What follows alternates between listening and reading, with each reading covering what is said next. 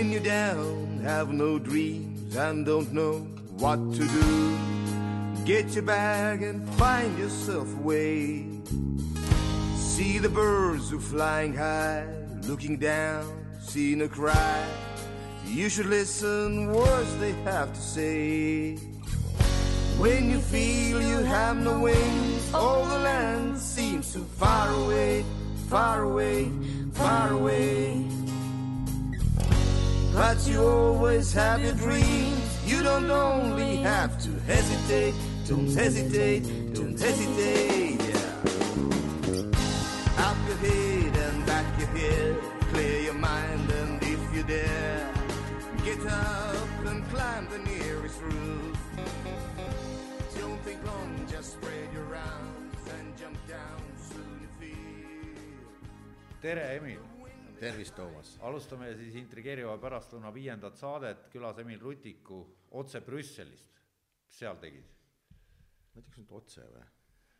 noh, ma olen ikka siin vahepeal juba olnud mingi aeg, aga jah, käisin Brüsselis, käisin rääkimas paari tuttava inimesega kes need olid? olukorrast. kes need olid?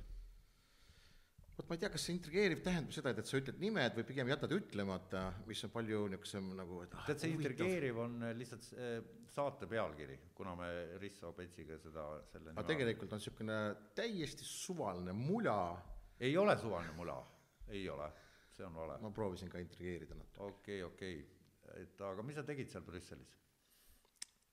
ütleme niimoodi jah, käisin, külastasin, Keda? rääkimas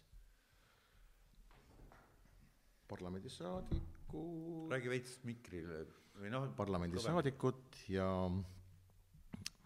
ja temaga koos teatud mõttelainel nii-öelda no räägi, kes, mis et miks jah, jah, miks, kellega, mis tegid? ma enne, ennist tahtsin nagu väga proovida sinu seda tähelepanu võita, et, et öelda, et, et kas see on iseenesestmõistetav näiteks, et kui me teeme saadet, et äh, et kõik, mis siin öeldud on, ei kasutata kuskil väljaspool mujal. või see, et, siin öeldu tähendab seda, et, et me kuulasime selle läbi ja me teame kõik. et kes siis, Gräzin, see on selline võimalus neile, et nad saavad mingi aja sees kutsuda endale külla inimesi tutvustamaks, et kuidas see töö käib ja, ja mis, mis see sisu on ja siis ta rääkis päris huvitavalt, et mis, mis, kuhu poole olukord on muutumas, et millised on need suunad, tendentsid mm?. iseenesest ei olnud midagi niisugust superrõõmustavat ega ka midagi sellist, mida, mida peaks nüüd äh, mõtlema, et oh, mis nüüd küll saab. aga jah, et, et äh, mm, ütleme niimoodi, et kõik minu eelnevad arusaamad sellest, et mingisugune epohh või mingisugune mingi ideoloogiline niisugune mingisugune ajajärk hakkab, hakkab justkui kustuma, et, et sellisel moel enam asjad omavahel kokkulepped ei toimi. ehk siis äh, minu jaoks on olnud viimasel hästi palju seda mõtlemist, et et kuidas me üldse omavahel eksisteerime ja oleme, need kokkulepped ju no.. mida paremini me neid täidame, seda lõbusamalt meil läheb, eks no ole, üldiselt küll jah. üldiselt. tegelikkuses äh, mitte isegi üldiselt, vaid väga täpselt. Ja mida peenemalt me need kõik teeme, seda, seda lihtsam on meil kogu aeg nagu olla. aga ma arvan, et see on ka kahe inimese tasandil, ükskõik, kas see on mees-naine, sõbrad, et kui me lepime kokku teatud asjades, siis selle järgi käies me saame alati nii-öelda asjad aetud. ei ole nagu probleeme ja nii nagu keegi siis, kas üks pool hakkab sellest üle astuma, nii tekivad probleemid ja nüüd me hakkame mõtlema, et miks see juhtus, kuidas see juhtus, mida me saame teha, et seda nagu välistada või üle olla sellest või parandada. et see, miks, miks sa küsisid, et miks ma käisin, see oli lihtsalt kutse, et mida ma sain sealt, ma sain teada, et et epohh, kus kokkulepped pidasid, ehk siis kas võime öelda niisugust äh, arhailist arusaama, kus on mehe sõna on, maksis midagi või, et äh, praeguseks on pigem jõudnud, jõudnud kätte see paljude jaoks telekas või, või mingisuguses, mingisuguses ma ei tea, kas romaanis või, või mingis seriaalis nähtud see nothing personal, just business. Et kõik võivad käituda teatud mustriga, kus justkui kõik on lubatud sa räägid praegu kõigi all, sa pead silmas nüüd mingisugust ma arvan, et see üldine niisugune tendents või hoiak, üldse inimestevaheline. jah, et seda on järjest rohkem näha, kus väga erinevatel tasanditel see juhtub. ja see toob ütled oma kaasa naisele, et oh, it's nothing person, personal, it's business noh, kus sa, kus sa vaatad nagu tänapäeval järjest rohkem nagu neid, neid inimesi, kes teevad mingisugust lepinguid igaks juhuks, minnes-tulles on vaja kõiki asju kuidagi reguleerida, et täna ma arvan, et see sõna, mis seal taga on, see seesama usaldus, ebausaldus või see hirm, kartus, et äkki teine pool ikkagi, loomulikult see on sisemine, eks ole, hirm ei saa olla kuidagi väljapoole, vaid see on sisemine, ju siis sa oled ise selleks valmis.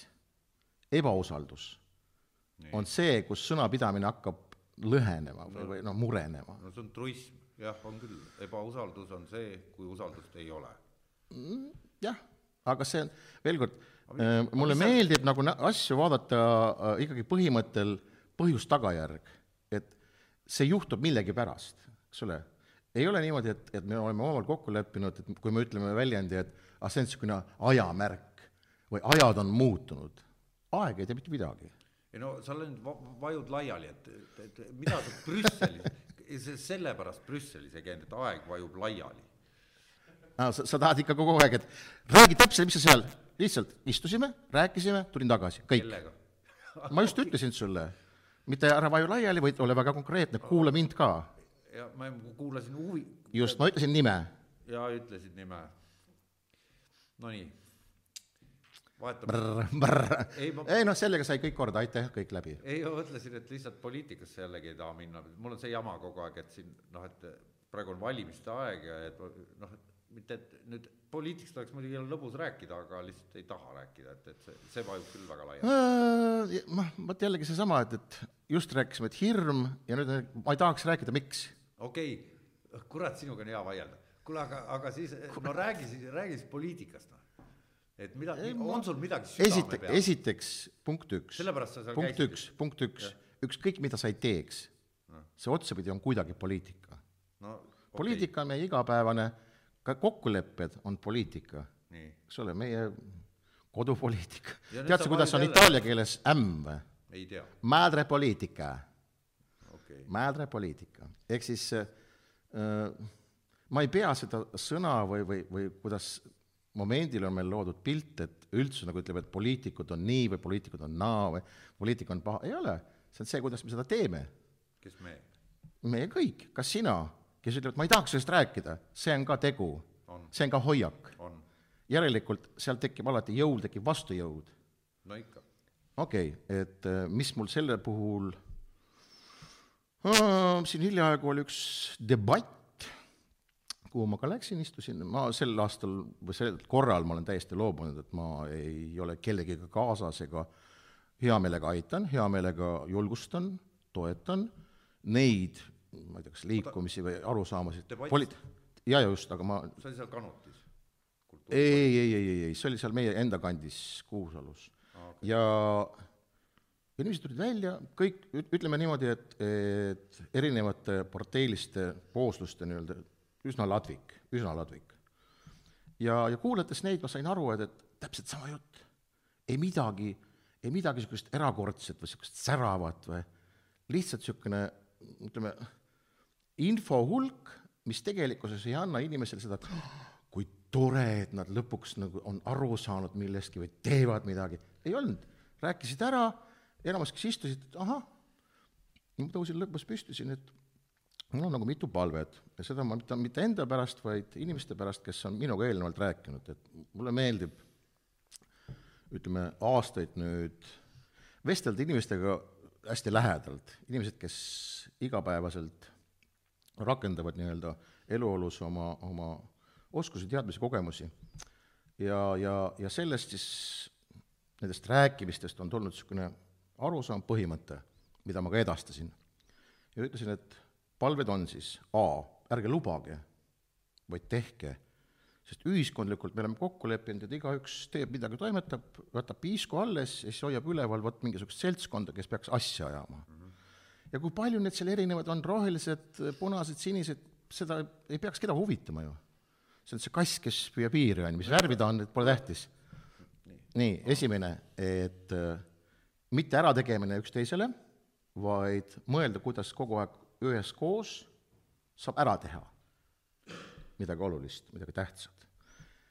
nüüd, võim ei ole hüve ja et see on vastutus ja teeme ära on ka olemas meil juba üle maailma isegi on läinud, et Uh, jaa, aga need on, need on niisugused inimesed, inimesed tegemised, mis on nagu, see on täiesti loomulik.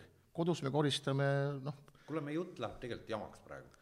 ei võtame,, mis sina küsisid, ei, ma ei küsinud, ma ei küsi. et mis mind vaevab, seda ma, seda ma rääkisin. ei no sind vaevab isiklikult see, et, seda, mis ma sain seal rääkida, loomulikult. et äh, et kas sind imestab, et mis, sind vaevab selline asi tõesti või? täitsa imelik. ei imestab küll, sest noh, natuke aega ju tunnen sind ka juba ja ma mõtlesin, noh, jällegi veel kord, ma ei võta seda kui, kui midagi erakordset. see on elu osa, mis rahulikult kulgeb, seda peab ütlema, kokkuleppeid tuleb meelde tuletada, kui keegi hakkab kõrvale kalduma. on näha, et kõrvalekaldumine toimub. järelikult keegi peab olema see, kes tuletab meelde. ma ei, ma ei pea ennast midagi, et, et kui mina nüüd ütlen, vot siis midagi juhtub, ei, seda peavad ütlema paljud korraga. okei okay,, me, meil oli ennem juttu mingi päeval äh, korraks äh, läks selle peale, et, et asi on igast otsast käriseb ja see on, me ei rääkinud üldse poliitikast, et me rääkisime, ma ei mäletagi, millest me rääkisime, aga mäletad, kuskil lõuna ajal oli, et, et, et mm. igalt poolt õmblused kärisevad, et, et, et, et midagi varsti juhtub. et, et, et, et mi-, min- ja see ei ole üldse noh, seotud otseselt poliitikaga, see on seotud lihtsalt inimeste käitumisega planeedil Maa tervikuna. oli niisugune jutt meil, aga ma ei mäleta no miks. käitumine on ka jällegi tagajärg. mul kunagi tuleb meelde üks, üks Odessa kirjanik kirjutas loo, kuidas katk Odessast lahkus. ja siis seal oligi see, et, et kui katk tuli ja kõik nägid seda õudust, kõik nägid seda nii-öelda olmet, mis viis järjest elusid ja inimesed muutusid üksteise suhtes alati, et kuidas teil läheb, kas teil on kõik hästi kodus, kõik olid lugupidavad. ja siis, kui katk taandus linnast, taandusid ka head kombed ja inimeseks olemise niisugused väljendused. nii et eh, me ilmselt oleme loodud sellistena, et kus siis, kui on rasked ajad, siis me oleme üksteise jaoks kuidagi lähestikku olemas või vähemalt püüame. Kui ajad lähevad nii, et, et justkui nagu küllus on või justkui on nagu, ma ei tea, kõike on, siis see ükskõiksus, pinnapealsus, kas, kas sa meelelahutusärist oled eem-, noh, sa ei ole ju enam aktiivne bänd, noh, ei käi iga õhtu väljas no ma, esinemas. oo oh, jaa, seda küll, mitte iga õhtu ei käi väljas esinemas, seda enam, et kui sa juba esined, siis sa ei saa nagu endale öelda, et, et sa oled selle nii-öelda meelelahutustarbija, vastupidi, ma olen eluaeg olnud põhimõttel, et, et kui ma näiteks üks õhtu kuskil midagi teen, siis ma tahan kaks õhtut täiesti eemal olla kõigest, kolm. ja ajaga nii-öelda on, on muutunud see, et, et neid, neid päevi, kus tahaksid ära olla, on rohkem juba. aga, aga noh, ikka bändi teed ju veel, ja, ja, ja et selles mõttes ole hea meelega väga harva.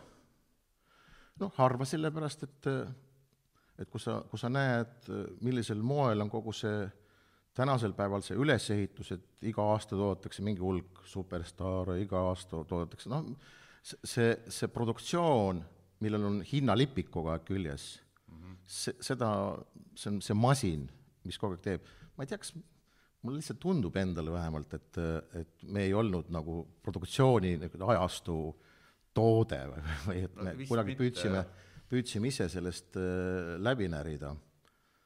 kas see, et see on nüüd ikkagi vanuse küsimus ka, ma tunnen iseenda pealt, et, et selline noh, niisama pulli tegemise eh, huvi väheneb ja selline mingisugune tunne, et peaks kuidagi noh, ka mingi moodi vaatama, mis ringi, ümberringi toimub, et selles osalemine, mitte üldsegi mitte sellel eesmärgil, et, et nagu avaliku elu tegelane olla hirmsasti, vaid pigem, et noh, reaalselt omada mingeid seisukohti ja üritada nendega midagi ette võtta. ja, ja, ja sina oled ju seenekasvataja.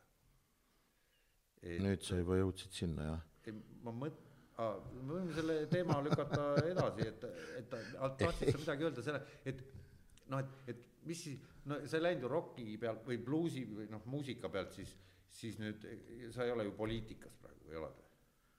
ma ei peaks ennast jah, ma, ma pigem enda jaoks olen öelnud, et ma olen kas ühiskonna tegelane, lihtsalt inimene aga sa võtad nagu... Facebookis kõvasti sõna viimasel ajal, sotsiaalselt, just et, et ei ole viimasel ajal, seda ma olen teinud no,, ma arvan ma pean silmas viimast okay, viit aastat. ma, ma lihtsalt ütlen sulle, et, et sellel on algus, sellel on põhjus, ehk siis räägi. minu väike külapood minu lähedal, ma tean seda memme, keda ma näen istumas plastmasstooli peal, kõrval on niisugune külmkapp, niisugune punased ilusad kirjad peal kõik ja ta istub seal ja ma teadsin alati seda emme inimesena, kes, kes tuli poest, ta oli niisuguses heas noh, meeles või, või ta alati oli positiivne oma olekus. ja, ja nüüd ta istub seal ja ütleb endamisi, et ma tean, et ma lubasin kartulikoori süüa, aga kui te koored ka ära võtate, ja see, see oli minu jaoks, vot see pirn niisugune läks, läks põlema. millal see juhtus? see, ma arvan, üks viis-kuus aastat tagasi või viis-kuus aastat tagasi. see, see oli hetk, kus kohas ma hakkasin lihtsalt asjadele vaatama hoopis, hoopis nagu teise nii-öelda rakursi alt. aga miks, miks see inimene peab ütlema niimoodi, miks ta seal istub, miks, miks on tema meel? volikogus ise või, sellepärast ütles äh,? ei, ei, ei, ei, ta ei öelnud üldse seda mulle ah.. absoluutselt ei, täiesti omaette lihtsalt rääkis ja, ja, ja ta arutas, arutas elu, et mismoodi. ja, ja, ja nüüdseks mida rohkem sa lähed sellesse sisse, seda rohkem sa näed, et jah, tal on õigus teatud mõttes, ma näen seda oma ema pealt, ma panen tähele kõiki neid nüansse, mida võib-olla eelnevalt ma ei oleks mitte mingil juhul tähele pannud, mitte mingil juhul. ma oleks lihtsalt vaadanud, no umbes nagu väga paljud ütlevad, et aga mis te virisite, no nii. et äh, jällegi üks, üks hästi oluline see, see piiri säädmine, et äh, kuhu me paneme teatud sõnale selle, selle joone, et virisemine, no näiteks et kui inimene räägib asjast, mis teda noh, kas puudutab või, või liigutab, kas see on virisemine? või ei peaks üldse rääkima, peaks üldse vait olema no, kuskil ikkagi praegu meil see jutt käib niimoodi ümber, ümber augu, et aga ei ole ümber augu. ei, aga on sul mingisugused endal mingisugused noh, Mutt ütles, et või see äh, inimene seal poe juures, et, et koored võeti ka ära, et kas sa nüüd tunned, et sa peaksid tege-, tegema midagi, et ta saaks need koored tagasi? Või, või, või kartulid või, või, või, või, või no jah, see juba on, se-, selles, mis sa ütlesid praegu, et selles on juba see arusaam, et no andke talle vähemalt kooredki tagasi ei, ma mõtlen no,, et ei, aga mind huvitab, et mis see sinu, sa ütlesid, et ilmselgelt, see muutis sinus midagi, et ilm, midagi, ilmselgelt. hakkasid sõna võtma ja, ja noh. no esimene asi, mis ma korraldasin, see sattus kuidagi sellele ajale, kus ühtäkki teatati, et elektri hind hakkab nüüd muutuma. ja, ja mina korraldasin ilmselt esimene petitsioon kui selline oli, oli see, kus oli vaja öelda, et, et et võrgutasud ei saa olla rohkem kui pool elektri hinnast. kurat, kust sa niisuguse asja peale tulid üldse? no ma räägin sulle, et, et seesama memme sõna, see, ei olnud üldse pikk vahe. võrgutasud ja kartulikoored, seal on ikka väga pikk äh, tead sa, mis, äh, vot inimese jaoks, kui tema elektri hind tõuseb seal kolm eurot. ei, ei, ma räägin sellest, et ja. võrgutasud versus elektri hind, et see, keegi üldse teab, et mis korrelatsioonis nad omavahel on. no okei okay,, ma räägin sulle siis, nii, äh, ma sain umbes kolm tuhat allkirja. tuttavad, sõbrad, võib-olla isegi sina oma meele nii-öelda, nii-öelda äraolemises isegi jõudsid sinna midagi teha äh, ja ma olin nagu korduvalt tuletanud meelde oma ringkonnas inimestele, see ringkond on väga suur tegelikkuses üle Eesti.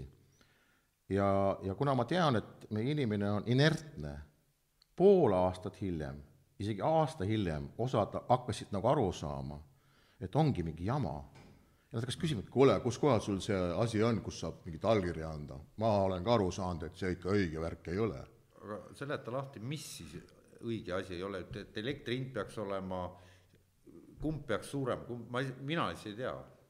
no tead sa, ilmselt saatest meil ei piisa, et, et sul ei, ütle ühe lausega, et mis see on, mille, mis, mis sa tundsid? ei no lihtsalt äh, küsimus on milles, et praeguseks tundub, okei okay,, poliitiliselt tehti selline asi, et Eesti Energia ja ülekande, ehk siis traadid ja kõik see no. eraldati teatud seltskond võttis selle e, nii-öelda traadid enda kätte. mäletan, seal oli Taavi Veskimägi oli ja, ja, ja, ja, ja no vot, nüüd sa hakkad juba kuskile jõudma Nii. ja nüüd et enamus, kes saavad aru äh, sellest, mis on juhtunud, nad ütlevad, et kurat, kas need traadid on mingid kullast või, või noh, on olnud.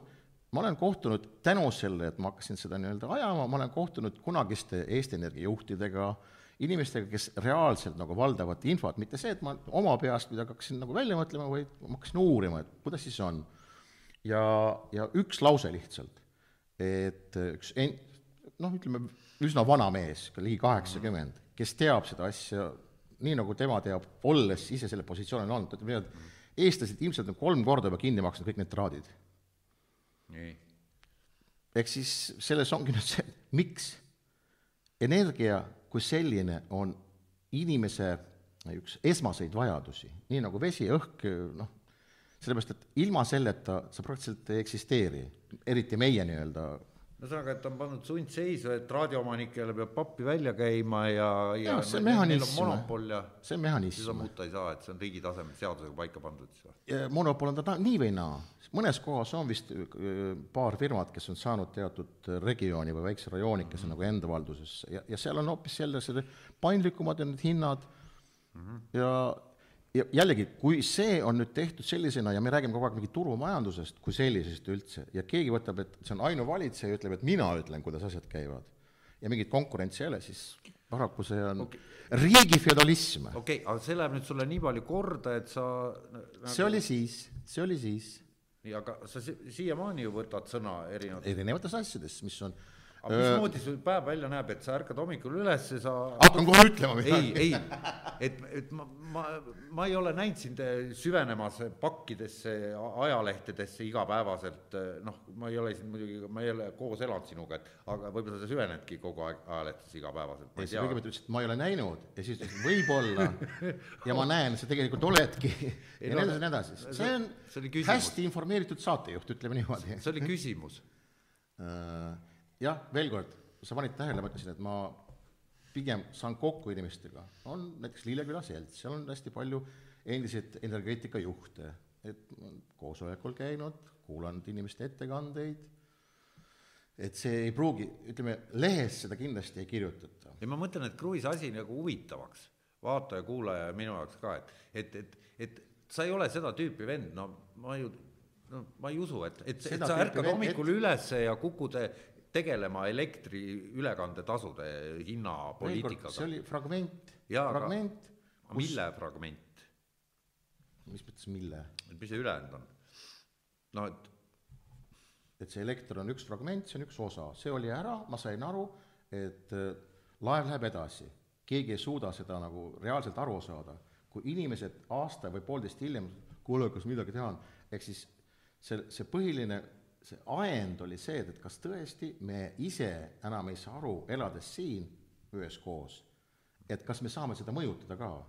kas meie, kes tegelikult kõike seda hoiavad üleval no meie tähendab kõik inimesed, riik tähendab, eks ole, neid inimesi. ei see, see, seda küll. et kui inimesed ei saa sellest ise aru, järelikult äh, me peame noh, nägema, mis on need põhjused, ega me ei saa muuta, me saame neid eeldusid muuta, mis seda kõike suunavad. ehk siis, kus sina oled nüüd tänaseks päevaks, ütleme, seltskonnas, kus on eesmärgiks harida inimesi, siis tegelikult seda kõike tehakse erinevate nurkade alt. jah, tänaseks päevaks ma ütlen, kahju, et me oleme unustanud ära ühe olulise omaaegse niisuguse üleskutse kõigile meile, jällegi meie all ma mõtlen ikka neid, kes teadvustavad, kus nad on, kes nad on, noh, mismoodi nad üldse elu ajavad. oli siis üleskutse või selline suur idee oli, me saame olla vaimult suured. Et mida see siis tähendab ja kuhu on see kadunud? kuidas vaimult suured olla nagu eesmärgina on asendunud, no näiteks, et viie rikkama hulka. see muudab totaalselt ju inimese nagu noh, mustrit. ei no see viie rikkam hulka oli ikka väga ammu, jaa, aga, aga ega siis eh, vaimult suurelt see oli veel ammum. oli. oli jah. See ongi see, et me, me unustame ära.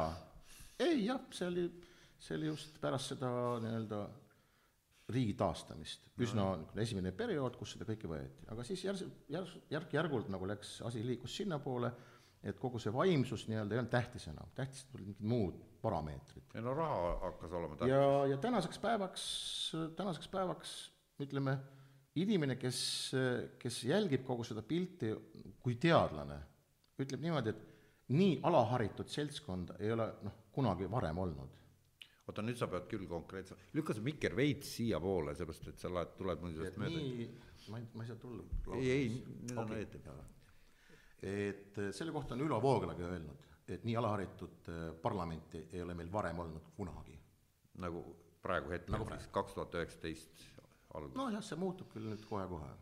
-hmm. aga et, et mi-, mille tulemus see on, miks, kuidas see on juhtunud niimoodi? no keegi ei taha minna sinna väga. Uh, ütleme pigem, pigem on jällegi mehhanismid, mis hakkasid seda sihukest vaimsust välja lükkama sealt. kes selle eest seisid, see on jällegi niisugune eraldi, ma ütlen, lahkamise koht. Aga see on- aga see on, see on tehtud, see tagajärg. aga sa, sa, sa räägid nii, nagu seal oleks mingi, mi- selles meie pisikeses Eestis, kus kõik tunnevad kõiki, on, on kuskil mingi karvane käsi, kes on võimeline ma ei ütleks karvane käsi, piisab sellest, kui sa teadvustad, mis asi on tagatuba. piisab sellest. Kui sa tead seda, et see on, siis sellest piisab. kes need on? ei ole karvane käsi, ära sa, vot see, see intrigeerimine tähendab seda, et, et ütle midagi niisugust hästi huvitavat ja Ei, põnevat, ei ole. ei oled sa kindel selles, et sa tead, et tagatuba on olemas? vaata, ei ole kindel, kas ah, sina oled, aga kas sina oled kindel No. tähendab, hakkame sellest pihta, kelle tagatuba, mi-, milline tagatuba, kui suur tagatuba? No kui me räägime nii-öelda sealt Toompeast, siis no püüame nii täpsed olla kui võimalik vähemalt. partei tagatuba. Tagatuba tähendab teatud inimeste kooslust, kes ainuisikuliselt või ütleme, väikese kooslusega otsustavad teatud prots-, protsesse. see on tagatuba. selge. ja et öö, öelda nagu selle kohta, et me ei saa aru sellest või me ei näe, mis huvid on, siis kahjuks ma ei saa sinuga edasi rääkida, siis sa, sa ei mõista nagu protsessi. ei, ma püüan mõista, väga püüan. et ma just kuulasin eile sihukest saadet, mille nimi on Suud puhtaks ETV-st ja siis seal oli ekspoliitikuid terve parv, noh, no mõne, mingi seltskond. ja jutt käis noh, ka mingitel sellistel teemadel ja siis Meelis Atonen seal rääkis, et ta pole kaksteist aastat poliitikas olnud, aga et kui tema oli, et siis tema, Siim Kallas ja keegi veel, neil oli teada täpselt, mida vaja teha ja siis toimis asi nii ja see oli õige. aga nüüd on mingid ametnikud, kes ei, nagu kuskil, kes ei saa mitte millestki aru ja, ja siis on mingid poliitikud, kes ma ei saanudki aru, kas need saavad aru või ei saa aru, aga et kuidagi seda, mis siis oli, seda enam ei ole ja et see on paha. aga, aga see ja. siis ei olegi tagatuba, mida ta taga nutab nii-öelda või, või, või tema nutis ilmselt seda taga just, et nemad teadsid täpselt, kuidas teha. nojah, aga, aga see oli justkui peaks, ma saan aru, olema salajane või? miks, miks peab aga miks sa siis halvustavalt ikka- räägid sellest? ah? miks sa siis halvustavalt räägid sellest? Äh, okei okay,, siis nagu küsime, et, et mis, milline on kokkulepe, mismoodi meil see kogu süsteem on üles ehitatud. kas meil on kuskil näiteks, ma ei tea, meie kokku lepitud põhikirjas või põhiseaduses on kirjas, et meie riiki valitsetakse tagatoas, punkt, ei ole, ei ole, kahjuks meil küll, on parlamentaarne riik, just. Nii, aga äh, kui enamus kogu selles seltskonnas ei tea, mi-, mida teha, vaid mingi pastakaga on hääletamine, siis paraku mis, mis, mis seltskond see on? aga miks sa siis ei lähe ja ei tee paremini, on niisugune tüüppküsimus. Äh, jälle ilmselt kogu see, see, see jõud, kuidas on üles ehitatud äh, nii-öelda valimissüsteem, millised on need rakendused, mismoodi see käib, see on tehtud juba selliseks, et, et öelda kellelegi, aga mine tee ka midagi või noh, mis sa siin passid. tegelikult äh, kui sa näed, kuidas see kõik toimub, see kogu see väikeste niisugune klibu-klabu, see ei toimi. aga meil on nii pisikene riik, just nimelt, ma teen ettepaneku no., piisavalt i- intrigeeriv no., intrigeeriv. see oli aastaid tagasi, ma ütlesin, et et me võiksime tegelikult kogu oma riigi juhtimist võtta sisse kui, kui ja ma ütlen isegi riigi kaguskohast, kui niisugust teenust väljastpoolt. ma olen ka kuulnud seda mõtet, jah. näiteks Uus-Meremaa, jälle kihvt riik, oskavad kuidagi asja ajada, nii et, et äh, võib-olla seal on ka kindlasti need inimesed, kes näevad mingit puudusi ja osundavad nendele. aga et, et siis me teame täpselt, et ahaa, nii paljukesi oleme, nii palju me saame anda, kuulge, kas te saate kümnekesi seda kõike tehtud või? ja siis kümme venda tulevad, ajavad asja, see oli kunagi vist kas Jaapani üks, üks inimene, kes ütles, et kui suur teie riik on, no umbes üks koma kolm miljonit. üks koma kolm miljonit ja teil on oma keel või? jaa. Teil on sõjavägi? oo, tõsi ka või? Teil on ülikool, teil on televisioon, teil on, kõik on olemas. ja siis ta ütles niimoodi, et äh, nendel on üks linna jagu umbes mingisugune ük- üks koma viis miljonit ja seda juhib umbes noh, viis-kümme inimest. nojah, linnajao ja, ja ma, ma ei, ma ei, ma ei too mingit paralleele, võrdlust, aga lihtsalt see, et, et kui sa enne ütlesid ka, et isegi inimene, kes on poliitikast eemal olnud, nagu viriseb selle kohta, et ametnikud teevad kõik mingit jama nüüd, siis ilmselgelt tänapäeval ja seesama, see algus, mis oli see, see bürokraatia, taastoodab iseennast ja teeb kõik selle jaoks, et jääda. nojah, aga minu arust eh, enam-vähem kõik on nõus sellega, et või vähemalt ütlevad välja niimoodi, et meil on vaja kodanikuühiskonda, tugevat kodanikuühiskonda, kus inimesed ise algatavad asju ja, ja, ja, ja, ja toimetavad ja teevad, et meil on nagu, minu arust keegi ei vaidle niisugusele mõttele vastu Neid on päris palju. miks seda ei üks, ole, miks ei suuda nendest... meie mingisugune ühe miljoni natuke peale inimesed nüüd siis tekitada sellist no, olukorda, mis, mis, mis sinu nagu seisukoht on? minu küsimus on äh,, jah, me võime nagu libastuda, aga see tähendab seda, et, et harides ka rahvast, kui saame niimoodi öelda, eks ole, me, me saame ka lõpuks selle, et igaüks saab aru, et ta on osaline sellest. lihtne näide, kui me oleme sellel lainel, Viljandi valimised, neli erinevat telki, erinevat värvi kõik teevad pannkooke ja pakuvad pannkooki moosiga, seisab memm seal ees, mina olen kõrval, näen seda. ja, ja kõik kutsuvad, memm, tule noh, meile, tule meile, tule meile. aga miks ma peaks teile tulema? Ja siis üks ütlebki, et aga ma annan sulle rohkem moosi. no okei okay,, memm läheb sinna.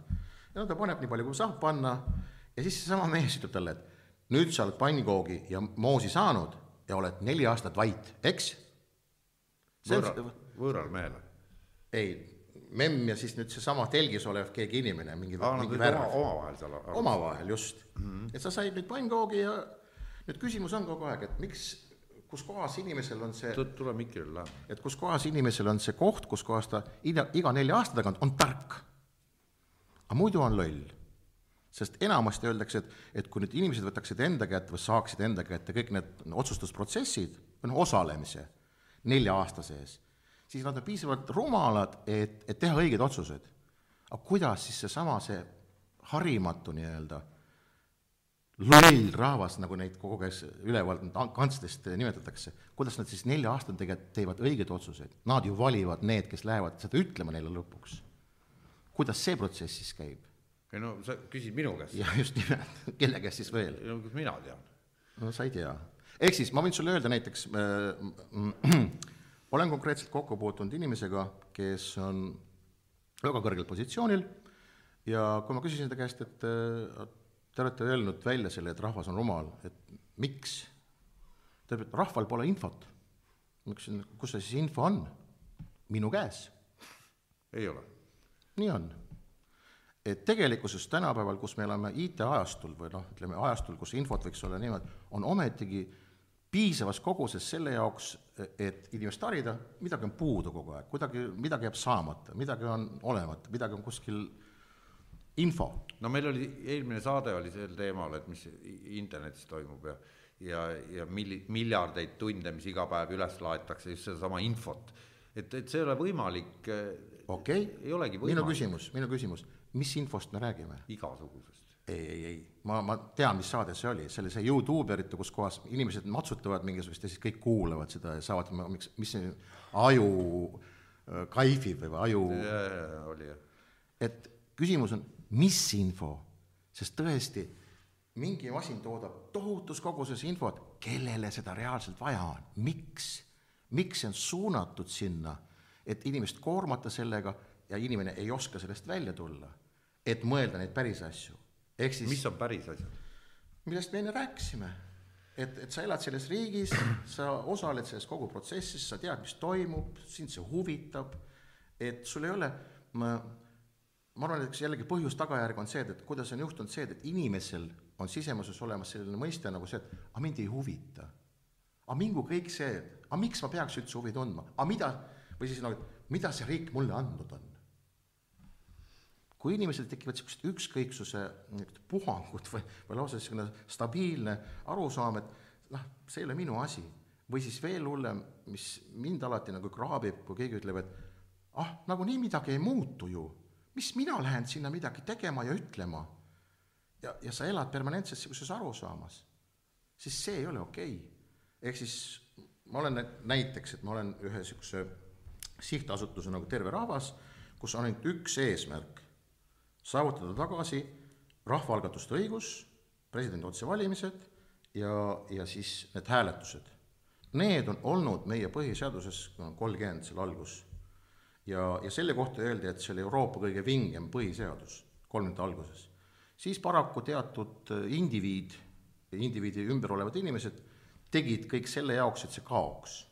kas see on hea, halb, ei tea, aga tänapäeval, kus me oleme juba jõudnud nagu ühiskonda, kus infot võiks liigutada väga vabalt, ehk siis küsimus, nädala jooksul vastus, on käes, ütleme, suurema osa elanikkonnast, ma ei tea, arvamus, seisukoht, Šveitsis midagi sarnast toimub kantonites, et Jah, ja seal on ju ka roteer, roteeruvad need, et seal ei olegi vist kogu aeg, noh, seal on peaminister äh, ja, ja mingi seitse-kaheksa inimest on, kes moodustavad valitsuse ja omavahel siis. Hästi lihtsaks on tehtud, hästi arusaadavaks, keegi ei kuritarvita, kunagi ei ole olnud midagi sihukest absurdset, on teatud küsimused, mida ei saa rahvas nii-öelda üldse isegi piuksuda selle kohta, on asjad, mille kohta saab, ja see, et nad osalevad selles, noh, näiteks linnajagu kuskil, et inimesed tulevad kokku, vot meie linnajaos on niimoodi, et me, oleks hea, kui me ei lõikaks puid väga lühikeseks või, või noh, üks oota, sina jaurasid ka selle Eesti Metsa abiks, kui oli see tselluloosi äh, värk äh, käis.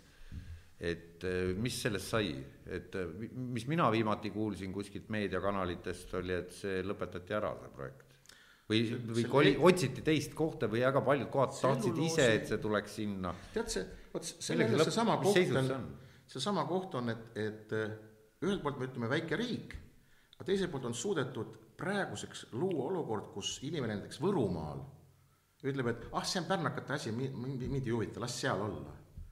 et seesama, see eh, mitte minu tagaaias, nojah, just, aga tegelikkuses selles väikses riigis on kõik omavahel nii palju seotud, et kui isegi see on seal Pärnus juhtub, siis see mõjutab kõiki kui näiteks Rakveres midagi juhtub, siis see mõjutab väga suurt osa Eestimaast, põhjaveed ja nii edasi, see on no, eraldi teema.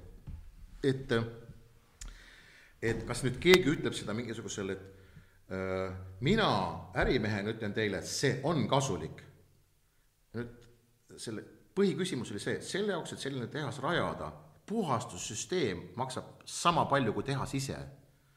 ehk siis tegelikkuses, kui sa investeerid tehasesse ja sa peaksid sama palju investeerima puhastusse, et see kuidagi päädiks või noh, aga ma ei saa pointist aru, kui on noh, need inimesed ju teavad, milline on tehnoloogia tase ja kui see tehnoloogia on selline, kõige kõvem tehnoloogia, mis neil kätte saada on, et, et see puhastusseadmed ongi kallid, siis see tundub ka ühtepidi positiivne, kui nad investeerivad sama palju puhastusse, mis tähendab seda, et reovett ei tule sealt. nii, nüüd kõikides minu jaoks protsesside juures on alati üks väga oluline märk. inimlik rumalus, ahnus.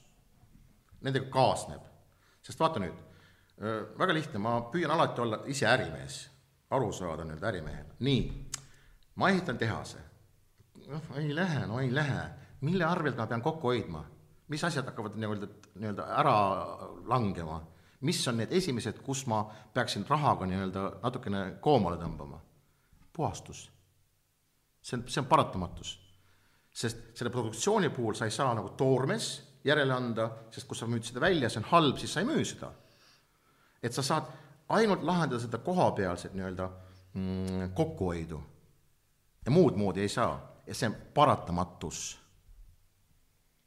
ehk siis no, on palju hetki olnud, kus kohas inimesed ütlevad nii, et jaa, me teame, tehnoloogia on see, siis küsid, et kas sa ostad seda tehnoloogiat, ei, seda me praegu ei saa, me võtaksime eelmise põlvkonna oma. aga mina siis- kuulasin selle Kohava, on ta nimi, tema juttu, kes oli vist kas juhatuse seal sellesama loodava tehase nii-öelda asja ajas seal pealik. ja ta rääkis jumala mõistlikku juttu, kõik see, mis ta rääkis, argumendid olid täiesti põhjendatud. see, mida teha tahtsid, Abrakadabra oli on nüanssides, alati ei no et devils in the details on jah, et aga, aga kas sina oled nii, et need vennad ju, nad ei ole Okei, ju okei, eilse eile sündinud, et Oota, nad ei hakka ju tegema asja. Ma näen, et sind huvitab see kuidagi huvitab- sa oled ilmselt natukene vähemalt seda lugenud. nii, minu küsimus alati on seda, et huvitav, kas seal teisel pool on, on täielikud idioodid või? Need, kes üldse asjast äh, no see on, midagi. ütleme, see on väga levinud küsimus jah. just. kas meid ümbritsevad idioodid? ma olen kuulnud paljusid seda. minu küsimus on, et kui selles koosseisus on teadlased, kes käivad ka oma argumendid välja ja kui lõppkokkuvõttes kuskil laua taga hakatakse tegelikult indiviidiga tegelema, mitte selle infoga ja selle pealt otsuse nii-öelda võimaliku tegemisega. tegeletakse ju seda, et, et kuule, sina, mis teadlane sa üldse niisugune oled?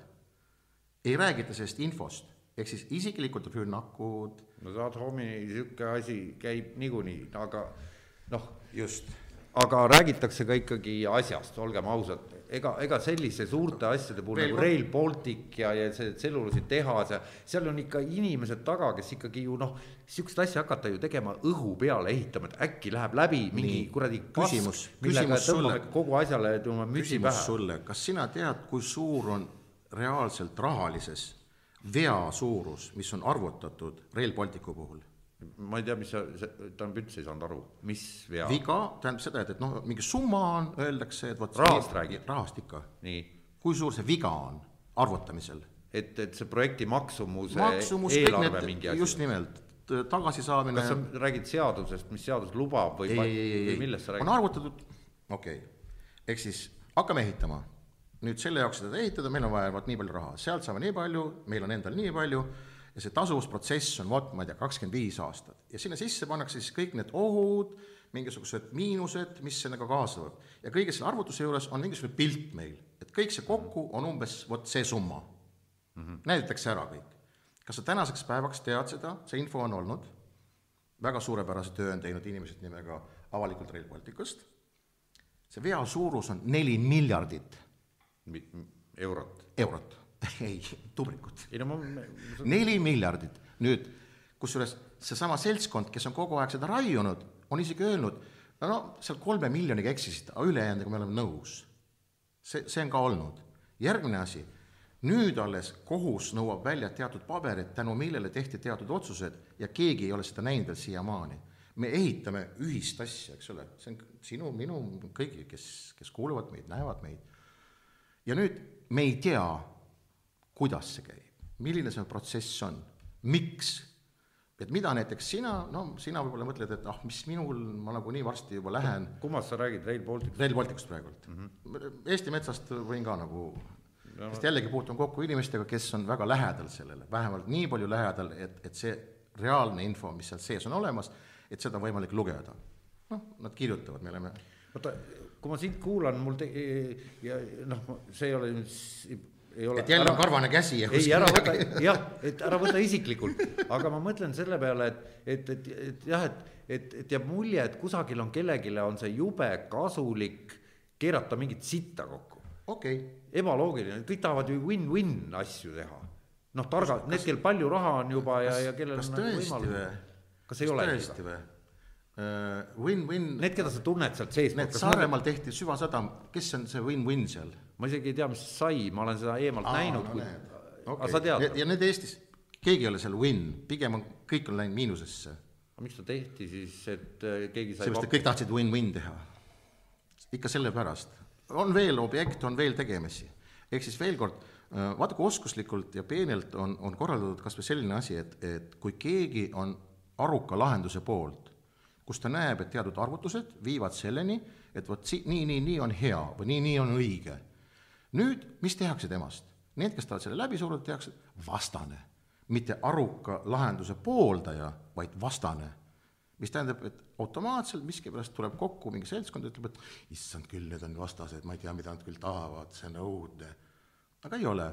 ehk siis nüüd seesama, miks tehakse niimoodi, et inimesed tehakse no ma ei tea, kas rumalaks või, või mitte infot valdavalt ja teha selliseid nagu väljendusi selle kohta, et, et me ei peaks seda tegema sellisel moel. saad aru, mis ma mõtlen? ei, ausalt öeldes et need, kes suruvad läbi, jah, seal on teatud huvid, huvid on kaugemad, huvid on suuremad, see rahamäng, mis nendega kaasa läheb, see, see on nende oma, neid ei huvita, kuidas meil siin see asi laheneb, mis sellele järgneb. ehk siis sel, noh, kas või see lihtne asigi, et et kas sa oled nõus, et sinu laps peab kinni maksma mingi asja, mis tegelikult oma toime pealt, noh, ta, ta ei toimi, noh. tal ei ole minu laps. jah, sest see jääb kõigi kanda, ega siis see ei ole nii, et, et asi jääb püsti ja siis ta jääb sinna, seda on vaja üleval hoida, seda on vaja maksta kogu kinni, ega ei no sa väid, räägid nii, nagu see oleks ju nii pika kahjumi, noh, ette arvestatud kahjumisse jooksmisega projekt, et ma küsin su käest, kas sa panid tähele, ma ütlesin sulle, neli miljardit on viga juba praegu mitte miljonit. aga mis see, see suur number, mille viga see neli miljardit on, siis see, peab vähemalt seitse nulli veel siis taga olema või? ei ole, ei ole, aga viga on väga suur. või siis näiteks lihtsalt keegi ei tea, miks, kui alguses arvutati välja, et tegelikult Eesti jaoks oleks kõige parem lahendus läbi Tartu, arvutati välja. siis ühel hetkel järsult öeldi, et, et see läheb eemale, kuidagi leiti mingi seltskond, kes on ka, ütleme, maailmas teinud endale nii-öelda paha või halva nime sellega, et nad on kuskil juba valetanud, kuskil teinud mingisuguseid vale, valesid numbreid vajalikus suunas. ja järsku võeti see teine. miks, kuidas, keegi ei tea, aga meil on olnud see esimene variant, kus näidati, et Eestil oleks kõige kasulikum selliselt see asi. ja järsku, keegi ei tea, miks, otsustati teistmoodi, kes tegi selle otsuse, mil moel. Nimesid kogu aeg vahjatakse, see on täiesti omaette. ma olen näinud isiklikult inimest, olen kohtunud temaga ja rääkinud, kes ütles, et sakslased ütlesid niimoodi, kas niimoodi või ei tule üldse. no mina olen näinud inimest, kes ütles, et korraks tuleme algusesse tagasi, et seesama Gräzin ütles Euroopa ei ole midagi muud kui prantsluse, prantslaste ja sakslaste omavaheline kemplemine. kõik ülejäänud on ainult abijõud, teostamaks siis ühe või teise niisugune huve. no see on ajalooline, ütleme noh, mis asi on ajalooline? no see Euro Euroopa algusaegade, ütleme, teema. noh, siis me peame jõudma jälle sellesse teemasse, et mis on Inglismaa ja nii edasi. ja, ja, ja, aga okei okay,, aga räägime sellest edasi, kuhu me jäime, et, et, et mina olen näinud inimesi, kes ütlevad, et sihuke Rail Baltic on jube hea, et ma saan, ma ei mäleta, mis see aeg on, mis ta selle kiirusega sõidab, aga põhimõtteliselt noh, sama kiiresti, kui ma sõidan praegu sõidan umbes Keilasse, sõidan ma Pärnusse ja sama kiiresti, kui ma sõidan Pärnusse, sõidan ma Riiga ja et see kõik on nagu noh. okei ütlen, tänaseks, tänaseks päevaks on teada, ilmselge info on selline, siiapoole mingit Hiina kaupu ei tule. venelased. Hiina siia puutub. oota, sest see kõik on seotud see kõik, see korralduslik pool on ju öelda, et, et see tasub ennast ära, ega siis vot see sinu tuttav ja veel kolm tuttavat, kes tahaksid Riiga kiiresti sõita, ega need siis seda üleval ei hoia. Need, kes ei sõida, hoiavad suuresti üleval seda. ei no nüüd, nojah, seda me ei tea, kes seda üldse tuleb. siit ei tule nii palju rahvast, et nii palju ronge peaks käima, ei tule, pole olemas. kaupu pole olemas. venelased ei saada, juba ehitavad otse Minskisse oma asja ja noh järgmine asi, et äh, sa ütled, et, et kuhugi ta peab sõitma, jah, Riiga väga hea, aga meil on praegu võimalus olemas umbes mingi sada kilti tunnis on läbi Tartu sõita, keegi ei sõida. Läti pool on üldse seal, ei viitsi enam isegi neid seal parandada mitte midagi. nüüd, kuna vea suurus on nii suur, siis näiteks lihtsalt ütlen sulle, et kui see sirge trass tuleb, siis kõik ülejäänud, kuna see võtab nii palju raha, kõik ülejäänud hääbub. lihtsalt pappi ei ole jääbki üks trass ja ümberringi on nagu tühermaa või? umbes niisugune pilt. sest jällegi arvutused näitavad, et selle jaoks, et seda hoida üleval, meil ei jagu seda. Siis kas me peame metsikud võlad võtma, kui me võtame metsikud võlad, siis järelikult noh, jällegi peame oota, aga ma kuulsin, kuulsin nüüd just jälle keegi lubas seal, ma ei mäleta, kes, milline erakond või vahet pole, et et neljarealised teed, nii edasi, teised vennad ehitavad tunnelit Soome, kolmandad ehitavad silda Saaremaale, neljandad ehitavad see Rail Balticut aga kas nüüd on noh, need, no need on kõik reaalsed jutud, juba kestab mitu aastat. mis sa arvad, kas no, protsess on aga mis sa arvad, et kas sealt mõni, mõni nagu päriselt äh, teoks ka saab nendest? sinu, mis sa isiklikult mm. arvad? sest mina ei oska midagi arvata tead, praeguseks nagu ütleme, jällegi see seltskond, kellega on nagu kirjavahetust, ma loen vähemalt neid ülevaateid, et need pigem ütlevad seda, et, et või alustatakse jääb kuskil õhku rippuma, lõpuni valmis ei saa, papp saab otsa, midagi muutub ja ta jääbki niisuguseks noh, olematuks. sest milli-, milline nüüd neist? no näiteks Rail Baltic. no ehitatakse valmis mingi jupp, aga ei rakendu sellisel moel. lätlased tegid väga, väga ilusti ja kavalalt, nemad selles samas projekti raames, kesklinn, lennujaam. praeguseks ütleme läbi selle nemad saavutavad selle, et Baltikumi peamine lennujaam on Riiga. see on väga hea. leedukad tegid vist äh, Kaunas-Vilnius omavahelise juba selle teistmoodi raudtee, aga, aga seal on nagu topeltpaar. seda infot on nii palju, seda ei saa mm,, seda ei saa võib-olla ühe saatega kõike mm, ära rääkida, et pigem ma ütleks niimoodi, et kui on olemas inimestel huvi, lihtsalt huvi, jah, see on see koht nüüd, kus ütle välja, kus on ja just mingid on olemas neli neli täiesti äh, akuraatselt äh, vormistatud info niisugust kandjad on Avalik Eesti. mis on avalik, see on leht, guugeldada seda või? avalik leht, jah, minu meelest ongi avalik, avalikeesti.ee mm. -hmm.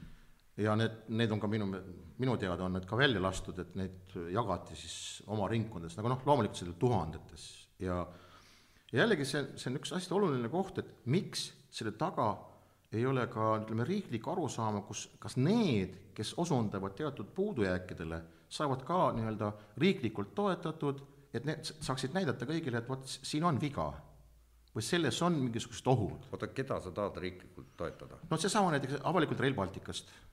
kõik omal, oma euro haaval siit ja sealt selle jaoks, et aga näidata. kas sa reaalselt kujutad ette, et kust riik, millisest, noh, neil on sellest samast kohast, kus nemad maksavad praegu kinni kõik selle seltskonna, kes push ib läbi valede, läbi igasuguste keerdkäikude, oota nüüd, nüüd me peame mingil mõttes konkreetsemaks minema, sest need on era, era ütleme, ettevõtjad, kes neid asju ju ehitavad reaalselt. See ei ole ju, Ei, no see tselluloositehase puhul oli küll, riiklikud firmad on need. kas need on kõik, kõik kogu, kogu, kõik see, millest me oleme siin täna rääkinud, on äh, riigi otsapidi on seotud, loomulikult.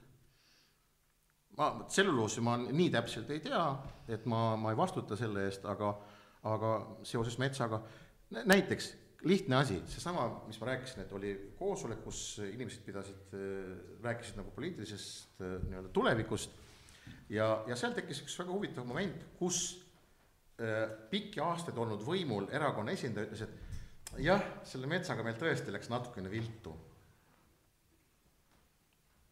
ta nagu ütles selle välja kellele? inimestele saalis, kellele. oota, et eh, metsaga läks viltu, metsaga läks viltu jah, et, et on rohkem raiutud, ei ole läbi mõeldud, see asi ei ole nagu oma sisult nii-öelda nii, nii läbi mõeldud, et, et, et kogu aeg nagu ühelt poolt räägitakse seda, et, et inimesed saage aru, et, et seda on meil vaja just niimoodi teha.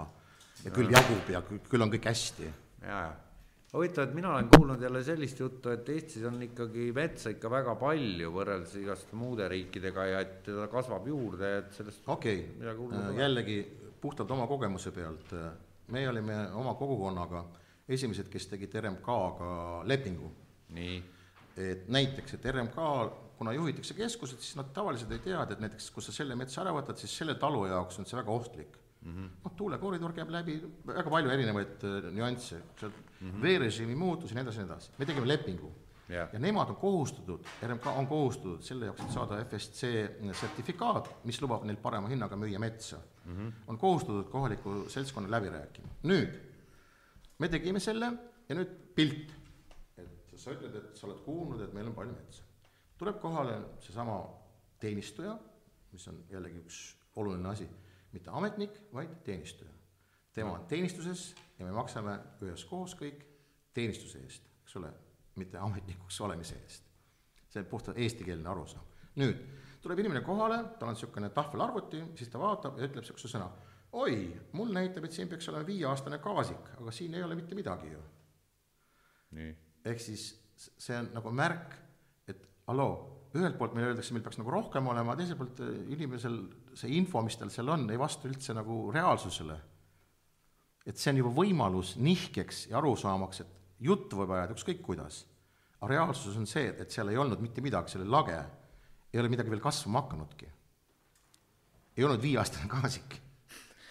saad aru, aga kirjade järgi meil on metsa küll nojah, see on, ütleme sellist jura ilmselt on igas valdkonnas ja päris palju, et mis on paberi peal näeb ühtemoodi välja ja praktikas teistmoodi välja ja, ja mina olen väga selle poolt, et, et, et asi oleks lihtne, selge, päris, nii väikses riigis me võiksime omavahel ju vähemalt selle kokku leppida, see mind nagu väga huvitabki, et, et, et kas sul on mingisugune idee endal tekkinud, et, et kuidas võiks, et äkki metsa puhul on väga hea ettepanek tulnud, mis mulle meeldis, et kohalik kogukond alati hoiab silma peal, mis on siis meie nii-öelda RMK, mis on riiklik arusaam mm. -hmm. et hoiab silma peal, et et siis näiteks inimesed, kes elavad seal, neile antakse metsatukad hooldada, vaadata, et see kõik oleks alles, et see ei oleks kuidagi niisugune juhuslikult kuskilt keskusest nii-öelda orgunnitud ja tehtud ja see minu meelest see lahendaks väga palju. See on põhiküsimus, ma arvan, et see on põhiküsimus arusaamas, kus öö, mida tähendab olla peremeheks. vaata, veel kord nagu tuleta meelde, meie, ehk siis inimesed, kodanikud, rahvas, et nad on ju tegelikult selle riigi omanikud, peremehed. no teoreetiliselt küll, jah. just nimelt, teoreetiliselt. ja, ja mida rohkem me ikkagi toome selle lähemale talle selle arusaamana, et jah, ma hoian oma kanti korras, jah, ma hoian silma peal, et keegi seal ei sigatseks, ei lagastaks, minu meelest see on, see on aga, sa elad maal. nii. palju sul maa, noh, no sul on maad, ma eeldan. et mis sa teed seal? no vot, see on jällegi üks suur teema, mida, mida peab täiesti eraldi käsitlema. siis, kui ma aastaid tagasi jõudsin nagu veendumusele, et linn ei anna midagi, vaid pigem võtab, võtab selles mõttes, et aja, mingisugused energiat, mingi jõu. No,, jah, tal on omad niisugused vahepeal küll sa tahtsid küll linnale tagasi kolida, ma tean, aga see oli seotud äh,, ei olnud mitte minu tahtmisega, vaid see oli seotud äh, väga konkreetselt äh, nii-öelda järeltuleva põlvkonnaga, aga see lahenes. Mm. -hmm. äh, ja, ja üsna algusest peale, kui ma läksin, ma sain aru, et, et äh, ma, ma hakkasin nägema ka seda, et mis toimub toiduga, mis, mis selles nii-öelda valdkonnas, millised on, millised on ma ei tea, suundumused, ehk siis inimese tarkus ongi selles, et ta hakkab tajuma suundumist, ta näeb, mis hakkab juhtuma, et paar sammu ette, see on nagu malemäng, eks ole. No.. hea malemängija näeb seda, järelikult äh, ka eluvaagides või ütleme, eluolu, mis pidi olema tänane meie nii-öelda vestluse põhiteema, vaagides, et ma hakkasin nägema, et äh, ah jaa, ma olin äh, seoses telekaga, ma olin käinud ka Ameerikas ja näinud või kohtunud seal paari ütleme, siis filmimaailma niisuguse noh, tippkujuga mm. -hmm. ja, ja, ja nendel oli näiteks see, et nende elamine ja neil oli isiklik aed, kus oli noh, loomulikult inimene, kes selle eest hoolitses, aga nad suuresti oma toidu said sealt. Inimesed, kes oleks võinud lubada ükskõik mida, et noh, et kuskilt tuuakse. ja, ja see oli esimene kord, kus ma kuulsin nende käest seda, et, et, et see on ka koht, kus on usaldus, on muutumas kuna enam inimesed täpselt ei tea, mis selle toiduga on tehtud, kuidas see on kasvatatud, mida on kasutatud selle jaoks. tänasel päeval on täiesti mõõteriistad olemas, kus saad kontrollida, kui palju mida, nojah, aga niisugused tehnilised vidinad ja nad on üsna kallid veel praegu. ehk siis äh, ma, ma, ma kasvatan hea meelega ütleme suuresti, suuresti ütleme oma toidulaua ise ta räägi sellest, et ma mäletan, sa tegid selle Levini, oli ta Levini test, et soovitus, kui, mida süüa ja mida ei tohi ei, ei, ei, mina ei ole teinud seda.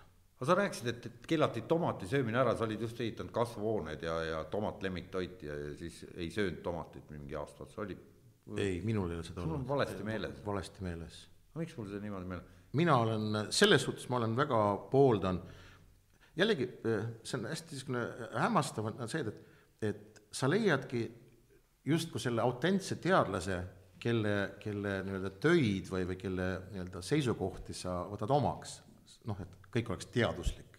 sest me kõik tahame miskipärast, et kõik oleks väga teaduslik. okei okay., ja on olemas üks äh, Tallinna või Tartu Ülikooli professor äh,, Ras Hilmer, kes on mhm. kirjutanud raamatu ja raamatu nimi on Normaalsest toitumisest mm. -hmm. üliäge. millal see ilmus? ma arvan, et nüüd kümmekond isegi võib-olla rohkem täitsa. aga, aga et seal ma esimest korda märkasin nagu reaalselt, kuidas teadlane ütleb, et ei ole olemas absoluutset tõde, ei ole olemas absoluutselt nii-öelda kõigile toimivaid mehhanisme, iga inimene on eriline, tema biokeemia on eriline. Ja, ja nüüd kõige suurem asi, mis, mida inimene peaks nagu selle kõige juures tegema, on, peaks või peab äh, tegema, et ta saab aru endast, mis tal on hea, mida ta vajab, mille puhul ta tunneb seda, et see on hea. Endaga tegelemine. enese austamine, enese usaldus et see on toidus nii-öelda hästi oluline asi, aga eeldus kõigele sellele ikkagi see, et see toorme on puhas no.. mida puhtam. ma võin sulle öelda, et praeguseks, kuna me alustasime sellist liikumist äh, mingeid aastaid tagasi nagu Ökoriik Eesti, mis on ökoriik Eesti. ökoriik Eesti, seal on päris mitmeid inimesi, nüüdseks nüüd selles äh, valimis nii-öelda tsüklis on päris mitu inimest erinevatest parteidest, kes juba seda välja ütlevad ka. Mõni on seda valustanud varem, mõni hiljem, aga igal juhul see on täiesti olemas. ja, ja meie üks liige on siis äh, Tartu Mahekeskus, mis on siis Maaülikooli juures ja seal on üks, äh, üks teadlane, Anne Luige, ja nemad oma selle keskusega teevad aastas korra niisuguse mm, nagu seminari või väikse konverentsi mm, -hmm. kus siis nad äh, aasta otsa tehtud mingid uuringud avaldavad, näitavad.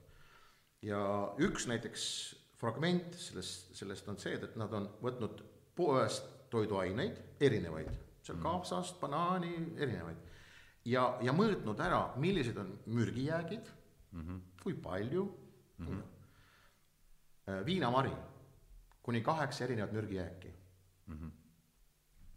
inimesed ei tea sööme edasi rahulikult. nii, aga mürgijäägid, mis tegelikult inimesele mõjuvad. et on, et on pritsitud eh, millegagi? jah, pritsitud, tsitru-, tsitrulised on pritsitud, õunad aga kuidas pritsitud. banaanidega on, neil on nii jäme koor peal, et kas sealt imbub ka läbi või? jällegi, see bioloogia ei ole päris niisugune asi, et, et noh, koor ongi peal, et siis nagu ei mõju midagi, et, et ei, ma küll, ei ma mõtlen, sa oled uurinud noh, neid asju. seal on ülevaade selle kohta ka et kui keegi tahab, siis minu meelest on see niimoodi, et mahekeskus ja seal on siis ka konverents või, või, või üritused, sündmused ja seal on see olemas, et see kogu info on väljas. mahekeskus.ee või? just, minu meelest niipidi. niisugune mingi portaal või? see on nende jah, see veebileht, see on olemas. nüüd minu küsimus on, kes see vaatab seda no., kes süveneb sellesse, kes, kes vaatab seda infot sellisena, et, et ohoo sest tegelikult ainsad inimesed, kes saavad turgu reguleerida, on inimesed ise, eks ole. et kas sa ostad või ei osta, kui sa ühel hetkel ei osta lihtsalt selle nimi ongi vaba turumajandus. Aga vaba turumajandus no eeldab mida, et inimesed on informeeritud. me ei eelda tegelikult no,. pakkumine ja nõudlus, kui on ja... vaja, otsid noh. mis, vaata nüüd toidu puhul on hästi hea, pakkumine, nõudlus, sul on ainult need viinamarjad, seda pakutakse, järelikult nõudlus on aga kui sul on info, et, et kuule, need on mürgised, siis nõudlust ei ole. nii see on lihtne. no näiteks ma tean seda, et, et, et on maailmas, ma ei ütle nüüd jällegi seda kohta, aga see on üks infokild, mis mulle meelde jäänud, et äh, liikumine oli siis kas, oli kas miljon naist või miljon, ühesõnaga naised korraldasid selle. ja otsustasid, et nad ei osta ühtegi asja, mis on plastikpudelis. selles samas äh, nii-öelda regioonis muutis iga tootja oma nüüd äh, seda arusaama ja läksid tagasi klaaspudelite peale. eks inimesed saavad suunata Kus ja muuta. oli ja millal see oli, see on huvitav uh,.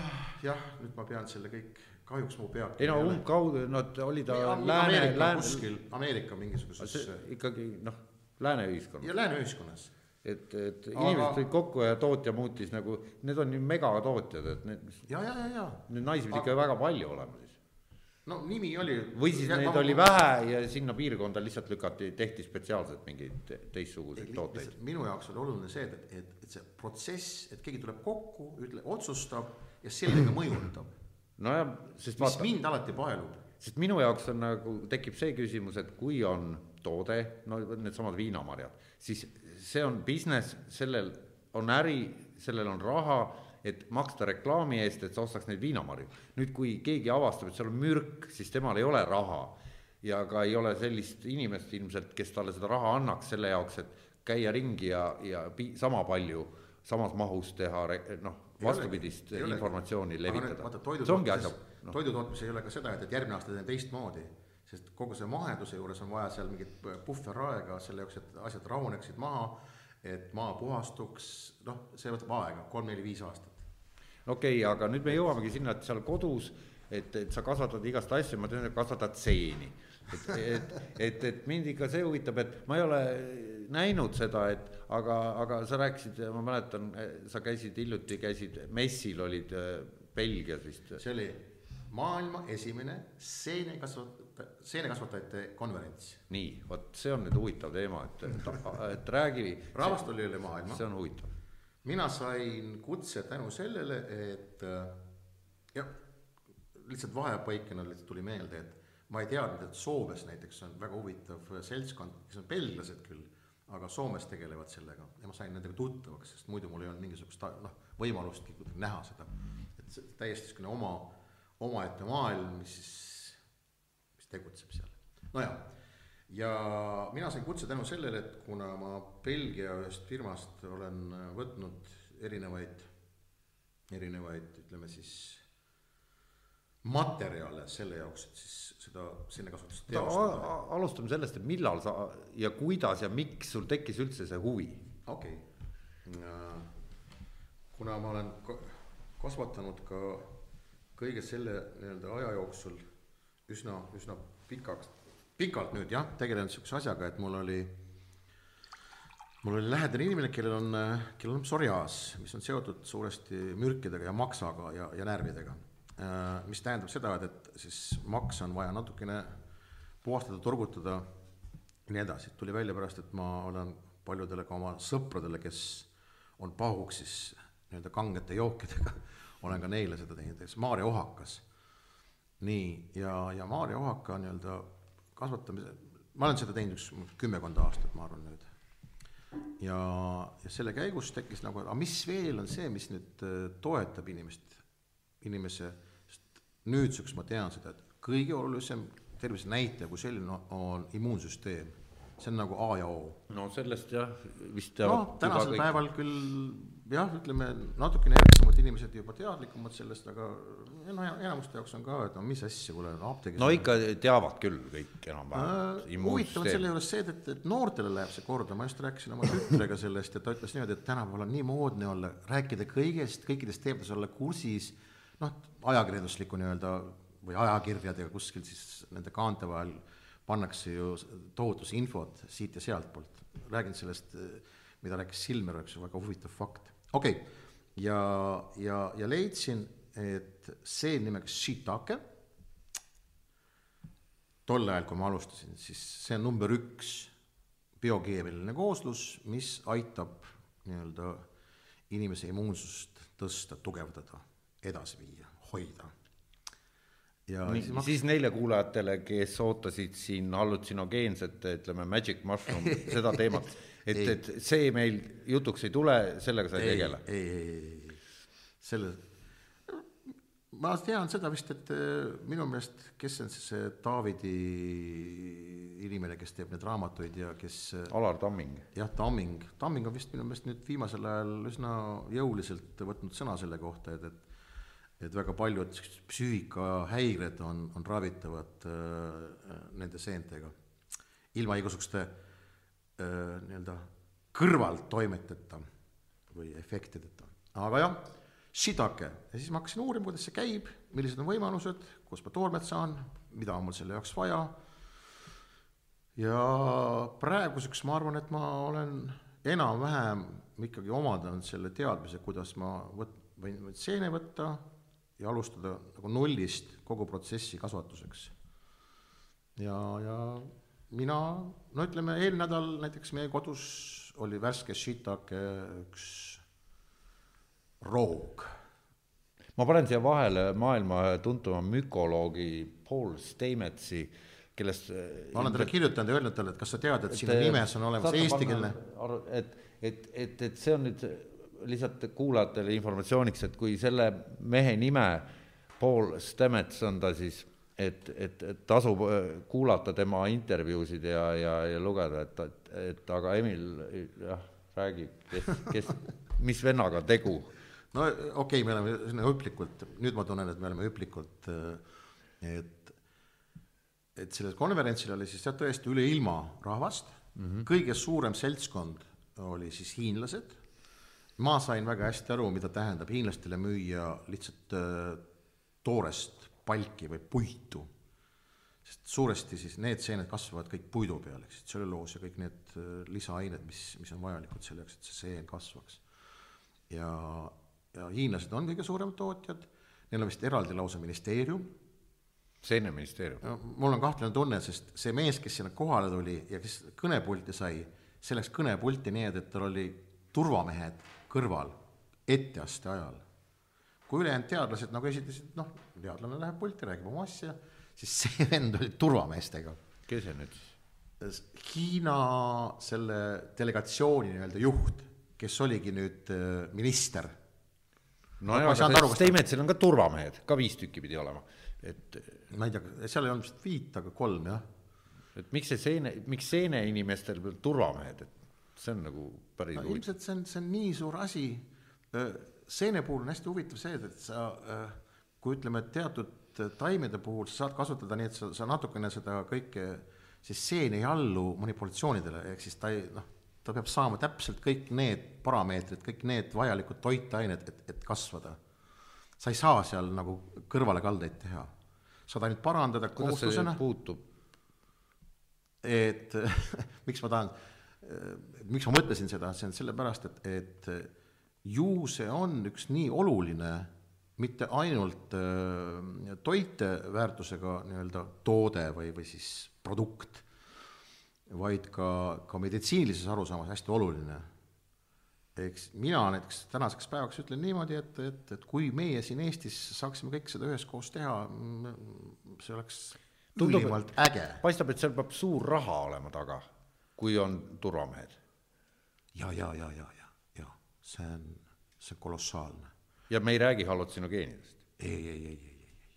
me see räägime... on puhtalt ainult äh, see, mis on seotud sellega, et inimese toiduratsioonis on seened, väga paljud ütlevad, et nad ei anna mitte midagi, aga annavad küll, annavad just nimelt neid biokooslusi, mis, mis on olulised äh, nii-öelda täiendamaks kõike muud et mitte ainult rasvad, valgud, süsivesikud, vaid. oota, me tõesti nüüd muutusime siin hüplevaks, et, et, et räägime järjekorras, et, et sul on nüüd kodus on siis, sa hakkasid kümme aastat tagasi umbes huvi tundma ja hakkasid kasvatama, alustasid ühe kindla seenega.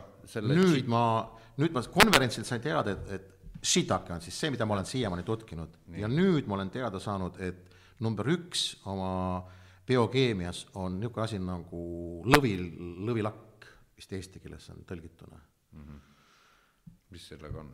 et tema nii-öelda kooslus, kui shiitaket peetakse Hiina keisriseeneks, ehk siis number üks, see on nii, shiitake tähendab, oli vist jaapani keel, läks meelest, tammeseen, take on siis seen, enokitake, need on erinevad, jah, Jaapani.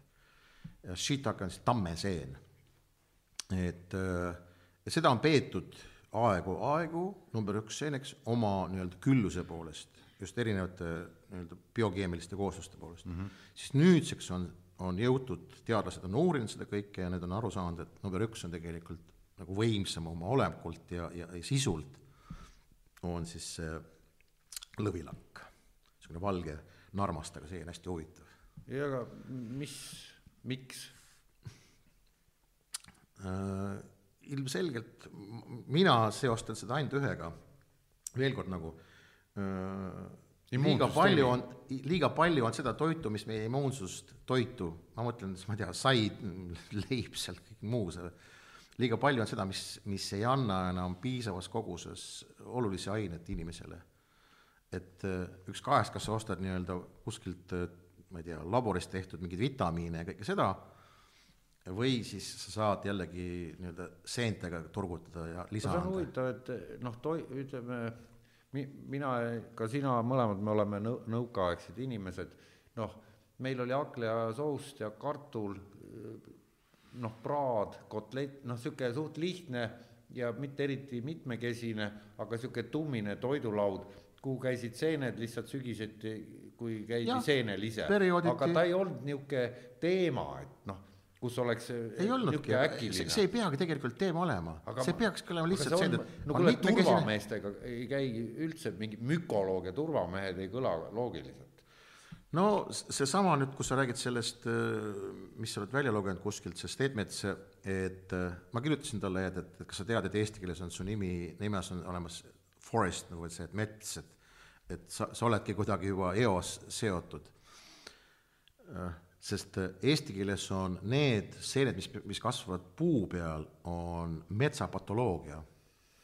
ehk siis nad tegelikult söövad ju puu ära, puu langeb, puu kõduneb ja nemad, seened saavad siis sellest nii-öelda toitu. see on patoloogia justkui nagu nihe. ja Stemets, ma ei tea, kas kaks tuhat neli, vot mul jällegi arvudega natukene oleme pauksis, aga kaks tuhat igal juhul seal kuskil oli, kus ta ütles niimoodi, et nad on leidnud äh, Lõuna-Ameerika metsast seene, mis sööb absoluutselt kõike orgaanikat ja, ja anorgaanikat. ja mille tulemusena me saame gaasi, mida me saame kasutada nii-öelda ma ei tea, autode jaoks, ehk siis lükkad mingisuguse asja hunnikusse, mis igasugust mingid jäägid, paned seene sinna kasvama, sinna paned otsa torbiku ja sealt võtad gaasi ja kasutad seda, ma ei tea, pliidi kütmiseks või kodu kütmiseks või ja see on täiesti võimalik. nii, see tuli, see tuli mm, see info tuli välja, isegi mingist mõned teaduslikud artiklid olid jah, et see vastab tõele, ühtegi kadus ära ja mitte ühtegi infojuppe enam sellest ei ole mitte kuskil. no aga kas on jälle mingi ka noh, su, su. aga see, see reaalsus, seda mina olen tutkinud ja küsinud, ma olen tema käest, ma olen tahtnud teda siia kutsuda, et ta räägiks, kuidas see juhtus aga no ma ei, ma, ma iial ei usu, et ah? teda vist on raske tabada jah, ütleme isegi see seltskond või see, mis tal seal taga, see nüüd office on, et see ka nagu väga ei võta vedu. ja järgmine asi oli minu meelest, tema on öelnud, vot nüüd jällegi kas kaks või kolm või et, et minu käes on, no ütleme praegu kolm, et minu käes on kolm patenti, mis päästaks kogu maailma. mõtle nüüd, mis, mis, mis reaalsus selle taga võib olla. kaks tähteks, päästaks ja kui seda tehakse õigel moel, sa tead alati seda, et, et kui keegi näeb, et selle taga on nii suur raha, siis ilmselt keegi päästmisega enam ei tegeleks, vaid kõik püüaksid sellega hoopis hakata mõjutama. kujuta ette nüüd, sa ütled, et päästaks maailma. Aga miks ta, ma, minul tekib seal on hästi, okei ma ühe asja ütlen. võimalused, miks ta ei tee neid samu asju, mis päästavad tead, kui palju on ajaloos olnud neid hetki, kus inimesed on saanud aru, et kui ma selle välja käin siis pigem tapetakse väga palju inimesi ära, enne kui see üldse rakendub.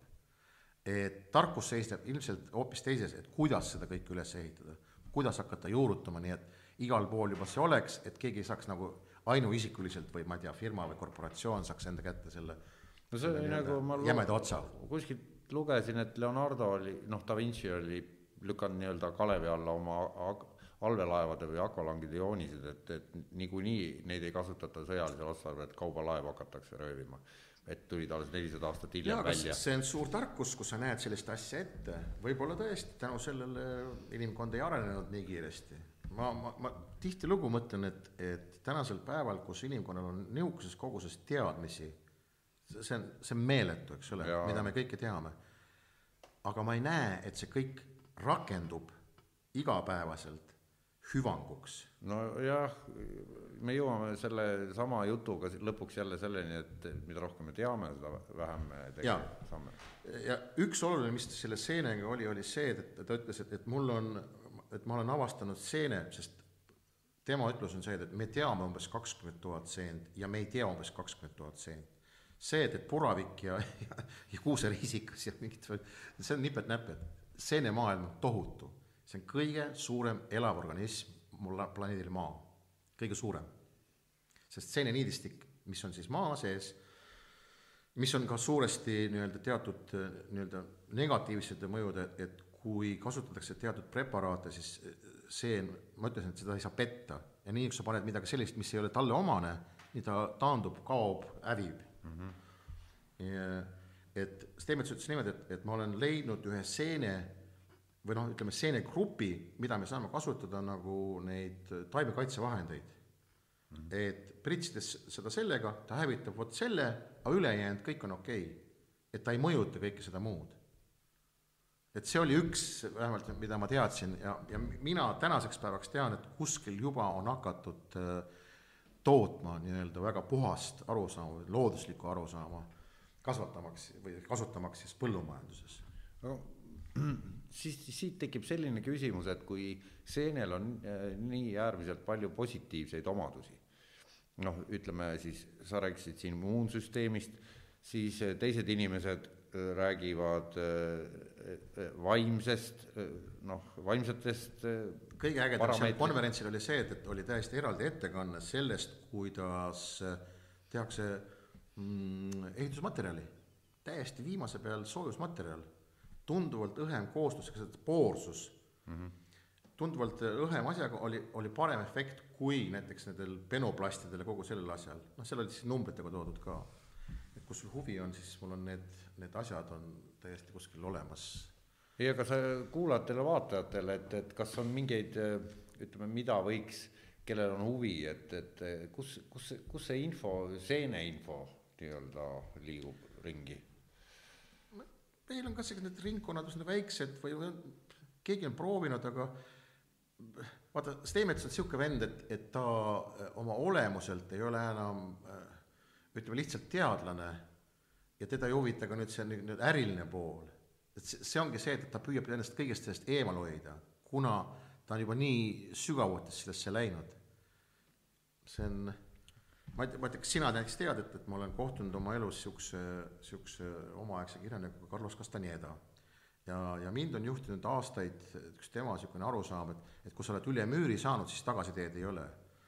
ja ma olen temaga kohtunud Šveitsis, kus me istusime ja siis ma olin selleks ajaks lugenud esimest vist raamatut ainult ja niisugune noh, ütleme siis niimoodi, niisugune viiniline tattpunn, kes, kes midagi justkui aimas sellest ja, ja ta nägi minu kohmetust, et ma tahan midagi küsida, siis ta küsis minu käest, et Emil, et et kas sa tead, mis selles ruumis toimub siin? jah, ma tean.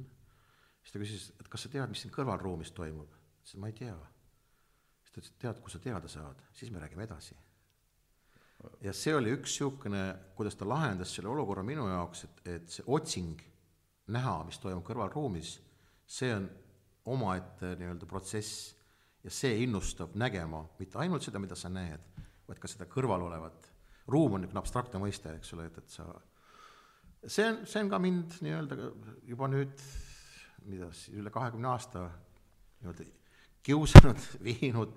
ja eesti keeles on kõik ta raamatud. nüüdseks on, nüüdseks tol ajal. üksteist vist on neid, kui ma minu meelest ta ütleski jah, niisuguse numbri, kus vahepeal viimane, mul on üks siin riiulis, sellest ma tean, et ma tean, et see on üheteistkümnes, et nimi on Unenägu, unenägude teemaline raamat on see, et näiteks kas sina unes nägemise kunst on pealkiri, jah. see on jällegi üks, tänu temale on, ma alati olen mõelnud, kas unenägu on vaba tahe? ma vaba tahe, kas üldse on vaba tahe no me, me räägime, et inimese vaba tahe, et, et me teeme päevas midagi seal käime, otsustame midagi, midagi ajame. väga ilus versioon surmast on see, et, et tead, et, et see unenägu ei lõpegi ära. kuskil hiljuti keegi ütles sellise lause. või et, et kas, kas alateadvus on vaba tahe no,? et, et tänapäeval, kus me teame, et vaba tahet, kui see on, eks ole, alateadvust, seda on võimalik juhtida, siis noh, ta ei ole. aga see, kuidas seda juhitakse, seda ei näe enamus, eks ole et mil moel seda kõike vormistatakse. see on, see on omaette teema, see on keeruline, et, et seentega lõpetaks ära, võib-olla pannaks asjad kokku. Äh, kas Sellis... jah, et, et kas sul on, kas sa, muusikast me vist peame eraldi saate tegema? jah, tänaseks päevaks ma olen isegi kohtunud mehega, kes enamus oma teoseid on kirjutanud seentele wow jaa, täiesti olemas sihuke. Saint-Ele, mitte Saint-Est. Saint-Ele, see on nii nagu. mis ta nimi on? ma pean vist sulle eraldi saatma ikkagi selle. ei, ma mõtlesin just eh, jällegi meie kuulajate-vaatajate peale. minu meelest seda võib leida erinevaid teid pidi okay.. aga Music to mushrooms. noh, sellega olekski äge lõpetada praegu see, kui, kui sa või on sul midagi veel hinge peal? ma ei teagi, minu jaoks ei ole olemas hinge peal, et ma, ma pigem püüan oma elus tänasel päeval lähtuda sellest, et, et kõik, mis sa teed, A, sa ei tee liiga oma ümbritsevale inimesele eelkõige, kes on lähedane, ja B on siis kõigele sellele, mille sees sa elad, ehk siis keskkond, et need on niisugused olulised fundamentaalsed äh, nii-öelda põhimõtted ja kokkulepped ka iseendaga, et sa kogu su mõtlemine, kogu su tegutsemine, kogu see olemine, käimine on läbi selle. see juhindub millestki, eks ole. ma ei tea, täna osad nimetavad mingiks moraaliks või, või kõlbeliseks, neid, neid sõnu on erinevaid, aga, aga see, et millele see baseerub, mis on see vundament. Mulle järjest rohkem meeldib tänasel päeval arusaam, mis on hea lastetuba, mida see tähendab.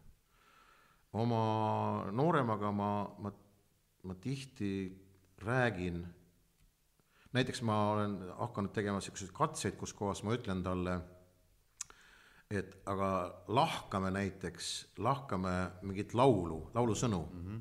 sest ma olen täheldanud, et, tihtilugu kogu selles virvarris on see, et laul on, aga millest ta räägib? Miks need sõnad sellised on seal, mida need, mis see sisu on? et me oleme lausa, lausa leidnud täiesti uusi niisuguseid avastusi ka kaasamõtlemisest siis ma olen püüdnud alati temaga ka seda, et, et, et kui nende õpik ja, ja kõik, kogu see, ütleme, kooliprogrammi sisene, et seal on, see sõnavara on isegi juba kesine, mida ta on mulle ka öelnud seda, et, issi, et, et mul tihtilugu on väga raske inimestega rääkida, sest tal on see sõnavara, aga teised ei saa aru, millest ta räägib. ja neid sõnu on palju tegelikult, tuleb välja, mis, mis kuidagi, ma ei tea, hajuvad, kaovad ei ole kasutusel, ei peeta vajalikuks, sest sõnadega on see, me, me, me loome selle nii-öelda skeleti ümber värvingu või selle no. suure selle liha või, või selle mõiste, sest meie jaoks on jällegi see kokkulepe, et me kasutame keelt ja meie abstraktne mõtlemine avaldub ainult läbi, eks ole, keel või noh, maalime midagi, teeme muusika. muusika on minu jaoks kõige see on hästi huvitav, kuidas laps on mulle õpetanud niisuguseid asju, ta ütleb mulle, et, et issi, et, et äh, sa tead, miks, miks inimesed suudlevad? siis ma ei tea. ta ütleb, et sellepärast, et need saavad sõnad otsa. aga minu meelest see on, see on nii geniaalne, tal on hästi palju neid asju, mis on mind, mind mitmel korral nagu ah, kui äge, et, et selles, selles inimeses on vot seda kõike sees no ma vaatasin teda ülim. Haapsalus suvel laulmas seal Augusti bluusil, siis see oli ikka äge, äge üritus seal, kui ta. ja, ja, ja noh, see on jällegi omaette lugu. et ta on ju, mis kolmteist. jah ja., saab. et, et tal seda julgust ikka on.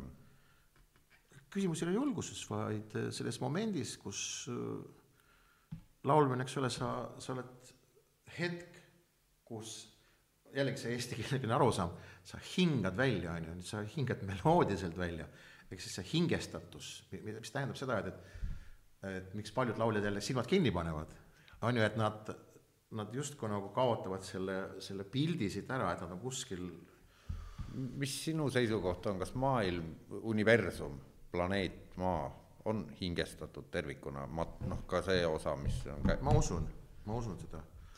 see, et ma olen absoluutselt veendumuses, et kõik on omavahel ühendatud mingite, mingite impulsside, kõik allub teatud sagedustele. noh, minu jaoks enam ei ole see niisugune, et küsimärk, kas ikka on, pigem on. minu meelest üks väga äge katse oli, kus kohas ühel üksikul saarel või noh, ütleme saarel, kus olid ahvid ja nad mingil hetkel visati nende, nende see puuvili vette ja seal ta muutus mustaks ja nad ei võtnud seda. Ja ühel hetkel siis sokutati neile see ette ja nad võtsid lahti, ütlesid, oo, see ongi magusamaks muutunud. Ja nad hakkasid ise loopima neid vette. ja läks väga vähe ajaga mööda, nüüd see on jällegi, sa küsid, kui palju, aga eh, see ei olnud nagu mit-, mitmeid kümneid aastaid, aga vahepeal ei olnud mingisugust ühendust neil omavahel. kõrval saare peal hakkasid ahvid samamoodi käituma, hakkasid sedasama puuvilja viskama vette, et see muutuks magusamaks ja süüa. aga kuidas nad omavahel kas niisugune nimi nagu Rupert Sheldrake ütleb midagi? ta on äh, bio, bioloogia, no ta on mitmeid asju teinud, aga ta on eesti keeles ka sama Tammingu kirjastus on tõlkinud. dogmadeta teadus on üks raamat ja, ja ta on selline noh, ta on ütleme, teda paljud niisugused kõva teaduse inimesed ütlevad, et ta on pseudoteadlane, kui ta on mingi noh, Cambridge'i doktor, PhD kraadiga tegelane, aga tema mõttes oli niisuguse nagu morphic resonance ehk morfiline resonants, mis sisuliselt ongi see, millest sa rääkisid. Ja siis seda, sellega nagu sai ta kuulsaks. et, et mõeldes seentele, ma saan aru, kuidas see kõik on omavahel ühendatud, kui, kui palju nad ikkagi aitavad, seen on põhimõtteliselt see, mis kogu looduses aitab koostöös omavahel aitab päriselt nagu eksisteerida asjadel. et nüüd asi päris sassi läks, et see, et miks ma selle Sheldrake'i sisse tõin ja selle morfilise resonantsi, et, et see oli see, et kui ühed õpivad ära mingi asja, siis teised hakkavad ka seda oskama võrdlemisi ruttu, et jah, idee sünnib äh, samaaegselt erinevates maailma nurkades nojah, et, et ja, ja, ja ja me ei tea, kuidas see juhtub. ja me ei tea, kuidas see juhtub. et, et me oleme mõlemad töötanud reklaamiagentuurides ja teame, kuidas ideed sünnivad erinevates peades, samad ideed ja siis käib vaidlus, et kes esimesena selle peale tuli ja, ja, ja tegelikult ju ei, ei olnud seda, et keegi sul on tunne, siin on minu küsimus sulle. Vaadates äh, kogu seda reklaamindust tänapäeval, on vist kadumas või, või ära minemas ajastu, kus kõik põhines ainult ühele. reklaamis oli see sex sells, eks ole. Minu meelest ta enam ei toimi sellisel moel sellisel kujul ta ei, sisu poolest. oota, ma ei oskagi öelda, ma, ma ei tea. ma ei ole ma nii ammu sellega kogu aeg., ma, ma reklaami pole vaadanud, kuna nüüd on äh, võimalus seda mitte vaadata äh, nii suur või ongi, sa ei pea üldse reklaami vaatama enam. et, et seetõttu ma ei ole ikka päris ammu juba kursis, mis, mis seal toimub selles maailmas. hiigelhetk oli siis, kui ma vaatasin, et imeilus naine vaatab kaamerasse ja võimalikult mahehäälselt ütleb, et ma armastan oma teflonpanni. siis ma sain aru, et, et asi on ilmselt jõudnud oma niisuguse oota, see oli reklaamiklipp nagu keegi Ja, oli selle ja, välja ja, mõelnud ja, ja just, just, et just, just. see on nagu ja, ja, ja, ja. noh, dokumentaalkaader keegi. armastab mingisugust, ma ei tea, kodukombaini või või noh, saad aru, see No see on jõudnud, esiteks see sõna armastus kui selline on kaotanud oma jõu, väe või selle päris sisu ja teiseks nüüd, kui inimene oma olemuselt äh, pühendab nagu oma nii-öelda kõik jõulisema tunde, mida võib üks mingisuguse plastmasstükile, et äh, ma arvan, et me võiksime teha, võib-olla isegi teeme veel ühe saate just nimelt sellest, et mida tähendab olla inimene, inimeseks olemine, mismoodi see käib. et see on, see on üks asi, mis mind igapäevaselt, ma, ma püüan näha, ma püüan, ma püüan sellega, sellega tegeleda. me peame kõik sellega kuidagi toime tulema. et, et tänapäeval on juba see, et noh, see ei ole minu oma, see on sinu oma. ei, see ei ole minu oma ka, sest minu oma on mul käes. minu meelest ma lülitasin oma välja. aeg on seal, ja aga tõsiselt, juba öeldi, et et, et aga okei okay., kas kellelgi on küsimusi? aga kelle telefon? kellelgi, seal üks ints istub, sa saaks küsida mitte kellelegi, vaid ints, sul küsimusi on või? no see on täiesti uskumatu, noh. see on keegi jope taskus. see on su enda telefon. see on sinu telefon. appi, appi.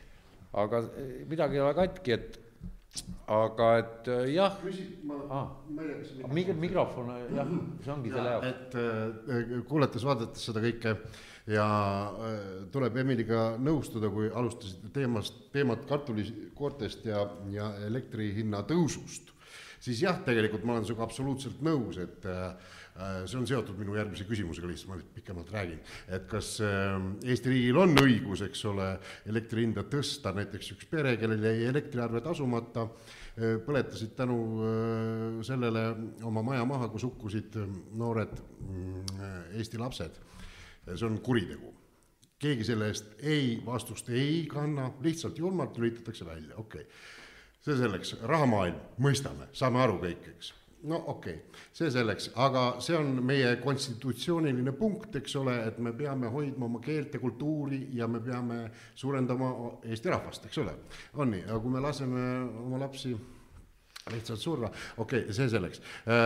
nüüd keele ja kultuuri juurde tulles, loomulikult äh, ma tean, et sa tegeled ka kultuuriga, lauluga ja äsjaga, nüüd võtta siis kultuuripoliitikat, kuidas sina suhtud siis sellesse, et näiteks äh, Eesti teatreid äh, rahastatakse üsna, üsna kopsakalt, nüüd me teame ka, et Eesti filmi vähemalt selle juubeliaasta puhul mm, üsna kopsekalt doteeriti, aga muusika on kuidagi jäänud nagu äh, kuidagi minu arvates nagu äh, kuidagi vaeslapse ossa, et, et rahastatakse küll võib-olla seda ERSO-t, eks ole, orkestreid, aga, aga, aga mm, levimuusika ja popmuusika on kõik vabal turul nii-öelda. kuidas sa siis suhtud sellesse? et kui näiteks äh, teatrimaailmas komöödiaid ja igasuguseid jalaga kepsutamisi ja muusikale nagu doteeritakse äh, täie, täie rauaga, summad küündivad miljonitesse, siis ähm, muusika on selles suhtes jäänud vaeslapse ossa no.. kuidas kommenteerid asja? ma isegi mitte ei kommenteeriks, vaid, vaid pigem lähtuks jälle arusaamast see põhjus-tagajärg, et kui eeldusena on loodud see, et vaata vaadake, kui uhked neil kõik need igasugused show'd on ja vaadake, kui, kui palju seal seda pompöössust on ja kui ilus see on. et nad pigem lähtuvadki sellest, teil nagunii on seda raha, et milleks teile veel vaja on. no jaa, aga et, ma saan aru, et noh. et kas mina, kui inimene, kes on muusikaga seotud, kas mina ei seisaks selle eest, et muusikutel rohkem raha, et nad ikkagi jääksid ellu. Äh, jällegi siin, ma võin teile öelda seda, et Eestis on korduvalt proovitud äh, luua muusikute ametiühing, mis on läbi kukkunud. Soomes see on väga jõuline. no jaa, aga meil on ju esitajate ühing ja autorite ühing vist on, kaks ühingut. Kes siis justkui peaks äh, midagi tegema. noh, jah siis tegelikult. sealt ju teenivad, ma olen kuulnud ikkagi inimesed raha reaalselt, kelle lugusid raadiotes mängitakse palju või, või kuskil puhvetites. jaa, see summa, see, see summa võib täitsa hea olla. aga nüüd, kui selle Indreku jutu peale tagasi tulla, et, et, et kas see on omavahel mingisuguses, et noh, et näiteks mingi teatritrupp, et kas nemad saavad ka pärast taasesituse eest mingisuguseid summasid, siis ilmselt seal ei ole seda mehhanismi. või noh, või ilmselt saab võib-olla see, kes selle üles võtab. aga et, et sa mängid ühe tüki ära, siin sa saad selle, nüüd muusik saab mille, kassetid, noh, või seal, mis tänapäeval mm. kõik on, siis on igasugused need Spotify'd, kuhu sa üles paned, sealt tilgub midagi autoritasud tilguvad. kas sa Spotify's näiteks meie saade on ka, läheb Spotify'sse ja Apple'i podcast'i ka lisaks Youtube'ile. et ma tean, Youtube hakkab tuhande subscriber'i või see on siis, kes, mis see eesti keeles subscriber täpselt on? jälgijad. jälgija, et, et kui on neid üle tuhande, siis sa võid juba, ma ei tea, kas peab taotlema ka või hakkad saama raha. kas Spotify, palju seal, kuidas seal on? et kui meie saadet näiteks kuulab nüüd kogu Eesti rahvas, miljon inimest, kas me siis saame pappi sealt? kahjuks puudub öö, kogemus, aga ma usun, et öö, kõik, mille külge saab siis pookida mingit reklaamijuppi, sest see elab, eks ole, sellest mm. -hmm. sa vaatad isegi see Youtube'i ju no, vahepeal vaatad, vaatad, vaatad, tuleb vahele. mida popim saade, seda rohkem tuleb. mida popim saade, ehk siis inimhulga pealt, et seal on see on seesama, see klikiajastu. et mida rohkem neid juppe on, seda rohkem see mõõdetavus on, et järelikult läbi selle saab nii palju inimesi. aga, aga samas äh, seal ei ole nii, et, et kui on ütleme, mingi kohutavalt vaadatav tegelane, keda tõesti hästi palju vaadatakse, ta on ikkagi vaadatav näiteks võrreldes kommertstelejaamadega, kus on nagu võimatu üldse midagi vaadata ilma noh, et sa ei keri edasi neid reklaame. et, et, et, et seal Youtube'is on, tuleb mingi noh, ikka väga harva ja siis, kui tuleb, siis on ka nii, et mingi mõne sekundi pärast sa võid juba nii-öelda skip, noh, vajutada nuppu, et sa jätad vahele, sa ei vaata seda lõpuni, seda reklaami asja, mis sinna tuleb. Noh, sa et, tead ilmselt, et päris mitmes maailma riigis on, on see, et, et kas sa vaatad oma televisiooni reklaamiga või ilma. kui ilma tahad järjest vaadata, siis see maksab no ehk siis sa maksad selle eest, et sind ei häiritaks. no Spotify on ju ka nii, et premium on, maksad, ma ei tea, see ei ole palju, aga maksad ja siis sa saad alla laadida ja siis sa saad äh, ilma reklaamita. Kuigi mul on ja, see, ilma, mul on koos reklaamiga see tasuta ja seda jääb vähe seal minu, mind see häirib. minu jaoks on ikkagi palju olulisem, see on ka jällegi, et võib-olla järgmine kord, kus sa hakkad tegema seda, et, et mõelgem selle peale, kui palju, isegi tänane saade, selle jaoks, et see eetrisse läheks, sa pead maksma kuhu?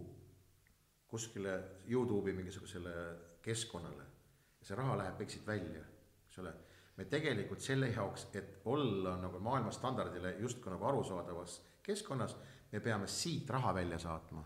kuule, Emil, see on mingisugune mõnikümmend eurtsi, et, et see stuudioäpp töötaks, on, on see makse arvestades sellega, mis maksab ühe mingisuguse telemaja ülevalpidamine või, või, või, või jaama või, või, või, või mis iganes. kui sa isegi kõik Eesti need Youtuberid kokku paned, siis see ei ole enam kakskümmend eurtsi.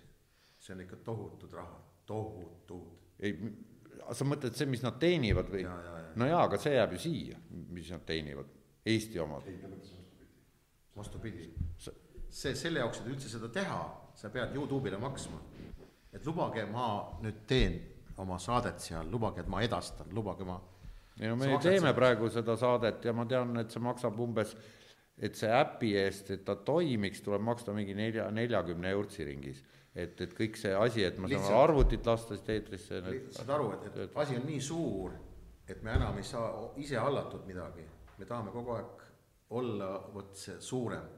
sama hästi mina, ma olen täiesti kindel, et Eestis on piisavalt ajusid, et teha nii-öelda oma keskkond, mis oleks nagu Eesti keskne, sest eesti keeles no okei okay,, võib-olla jah, tõesti. no mis, sa siis teed nüüd, venelased hakkasid e eilsetes uudistes, mina vaatasin eile uudiseid ja oli niisugune lõik, et venelased teevad oma oma interneti, et mingi, et, et, et tähendab, nad ei tee veel, aga et mingi ettepanek, et nad arutavad seda jumala tõsiselt ja siis mingisugune Sepp, kes oli seal mingi kohalik äh, valitsuse nõunik selles IT-valdkonnas, ütles, et noh, et ega see nüüd ikka nii lihtne ka ei ole, aga noh, et, et, et justkui, et, et jänkid enam ei näit-, et kuidagi seal oli umbes niimoodi, et, et, et nad tahetakse nagu välja lülitada see... sellest võrgust.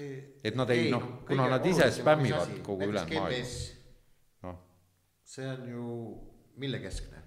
kes on selle nii-öelda taga? okei okay,, kuule, tegelikult nüüd me, nüüd on küll järg, järg, järgmised saadete teemad ja. juba, et, et. aga ma ei tea, kas, kas said sa selle vastuse, et, et ilmselgelt seda kogu popmaailma peetakse ilmselgelt sellisena, et nad ei vaja, et neil on seal.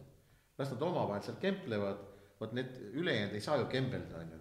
Neil ei ole nagu jaa, seda, sellest ma saan väga hästi aru, aga, aga, aga sellest, et noh, võrdluses nüüd näiteks teatri või filmiga, keda raha, mida rahastatakse rohkem tunduvalt võrreldes muusikaga et siis äh, nagu see, selles mõttes, et kuidas sa pead seda võrdseks, et kas äkki peaks nagu kõik ühele pulgale viima, et kus nagu nii-öelda eristatakse seda poppi ja kommertsi, et teatrimaailmas on täpselt samuti, eks ole, on muusikalid ja komöödiad, mida peetakse nagu äh, meelelahutuseks või selleks, eks ole, et, et, et, et kõik viia nagu ühisele pulgale, et toetatakse nagu näiteks ainult ühte meie äh, rahvusteatrit, ütleme, ja, ja ütleme ooperit ja balletti. Ja ülejäänud oleksid kõik vabaturul sama muusikaga, eks ole, et okei okay,, et on, on see Eesti Kontsert või, või mis seal on ja ülejäänud on vabaturul, nagu muusikas tegelikult ongi. ma, ma olen väga või sa tahaksid, et ma olen nõus sinuga tead mis suhtes või, et äh, see on jälle seesama, see leppe küsimus, et millal sina või, või, või siis meie mingisuguses koosluses jõuame näiteks laua taha ja teeme otsuse, et need on ühel pulgal tänaseks päevaks ilmselgelt on teatud seltskond, kes seda otsust teevad, ei ole sellest huvitatud. järelikult meil on vaja laua taha saada piisavalt seda seltskonda, kes ütleb, et kuulge, aga miks mitte. no ja teine asi on, et bänd on ikkagi noh, sul on oma kitarr ja võim ja kogu moos, aga etendus, siis on vaja noh, kõik see, mis sellega ümber on dekoratsioonid, kostüümid, majad, majad noh, kogu see masinavärk, et see... et bändi noh, tehakse ju garaažis no.. olge seal. teatrit on ka tehtud, eks isegi oleme teinud, aga me oleme ju.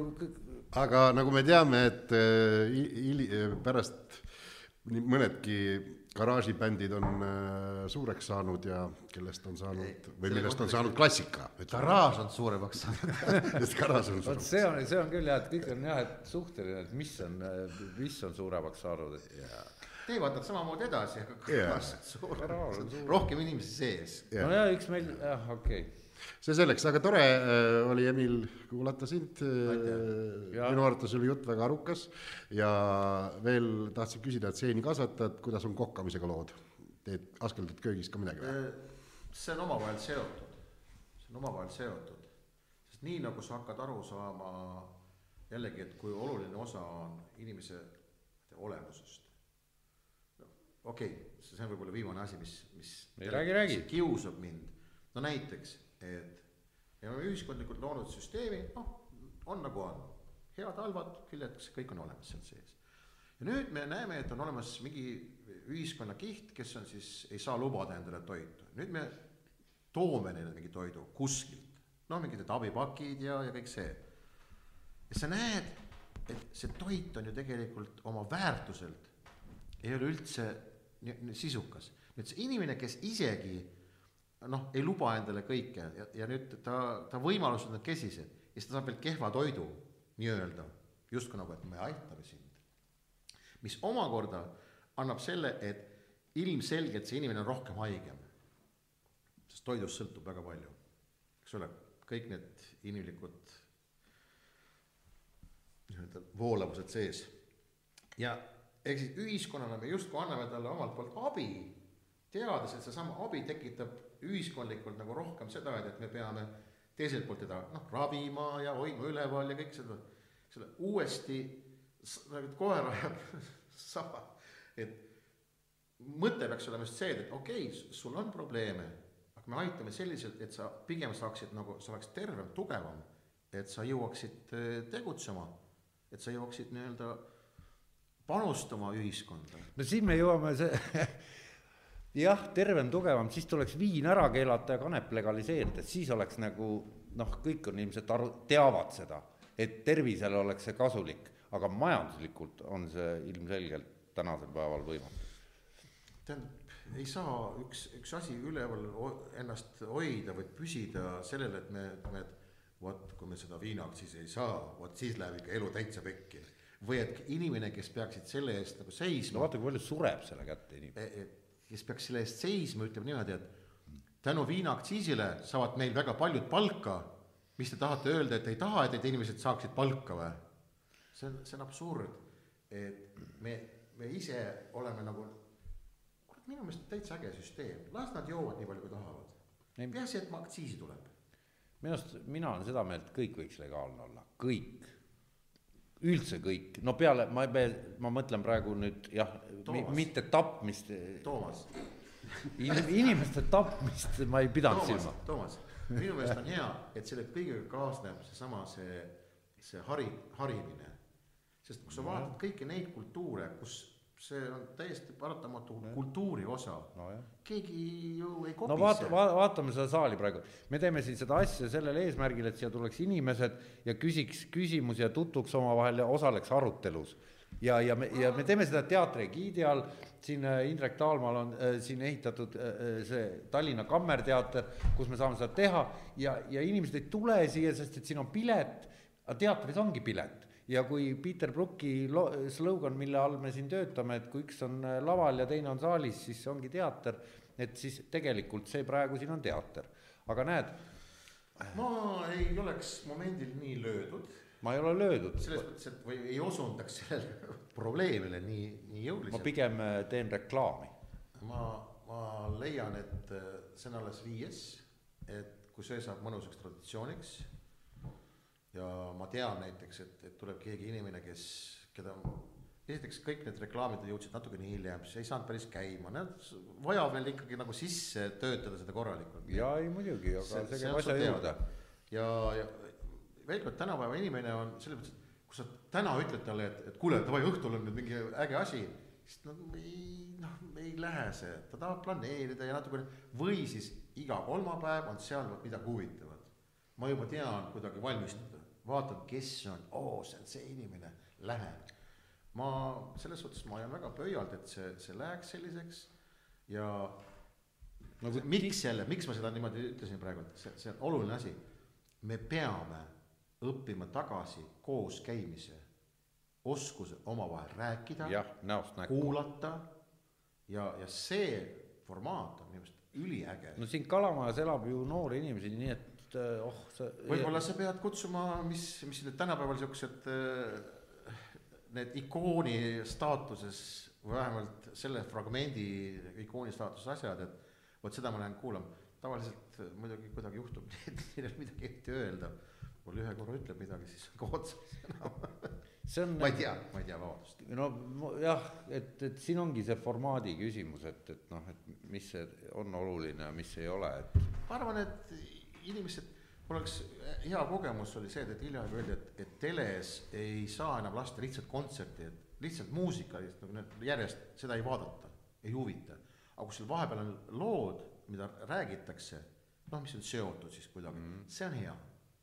ehk siis, kes oli see, üks jällegi niisugune maailma vaimuhiiglane, et me vajame rohkem neid jutuvestjaid, storytellerid, see on ingliskeelne keegi, mul ei tule meelde see et me, me vajame neid, kes räägivad asjadest, kes koos tuletame meelde, et kui äge on, kui äge, et sina oled selline, sina oled selline, ja siis mingid teemad, mis võib-olla omavahel haakuvad või ei haaku, et vaata, ma just mõtlesin eile selle peale, et jube kahju, et ma ei oska pilli mängida, et ma kindlasti oleks olnud äge, kui ma oleks kitra, oskaks Pilistaks. mängida ja si, sina sina püüaks kogu aeg nagu ja sina oleks laulnud, tegelikult ma tahtsin rääkida Shitakest sulle. et oleks väikse bluusi tõmmanud vahele, et see oleks nagu väga tervislik olnud, aga et ei oska mängida, noh.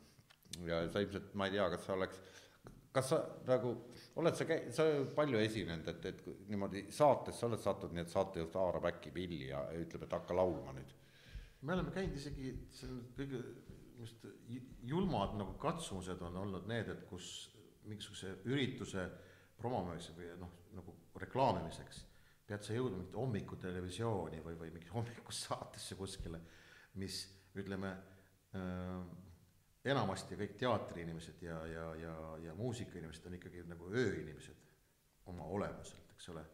ja nüüd, kui sa, sinu peo nagu rütm on olnud, et sa tõused kümme, nüüd sa tõused kell kuus, sa tegelikult magad veel, eks ole, selle jaoks, et seitsmeks jõuda kuskile ja seal siis aa, tere ja no kuule, okei okay,, tehke nüüd pead midagi. laulma hakkama, ja sest seal on ju hommikuprogrammis on ju bändid kohal, kas Ja, see tuleb otse või nad tulevad lindi pealt? vot äh, puudub info.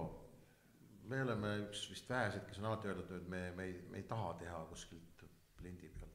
ma mõtlen, et see on ikka päris karm hommikul kell seitse hakata bändiga minema kuskil on näos. nii, aga kummardus sulle. kuule, sullegi ja, ja, ja meie publik ja, ja, ja kõik meie Ira ja kõik, äge.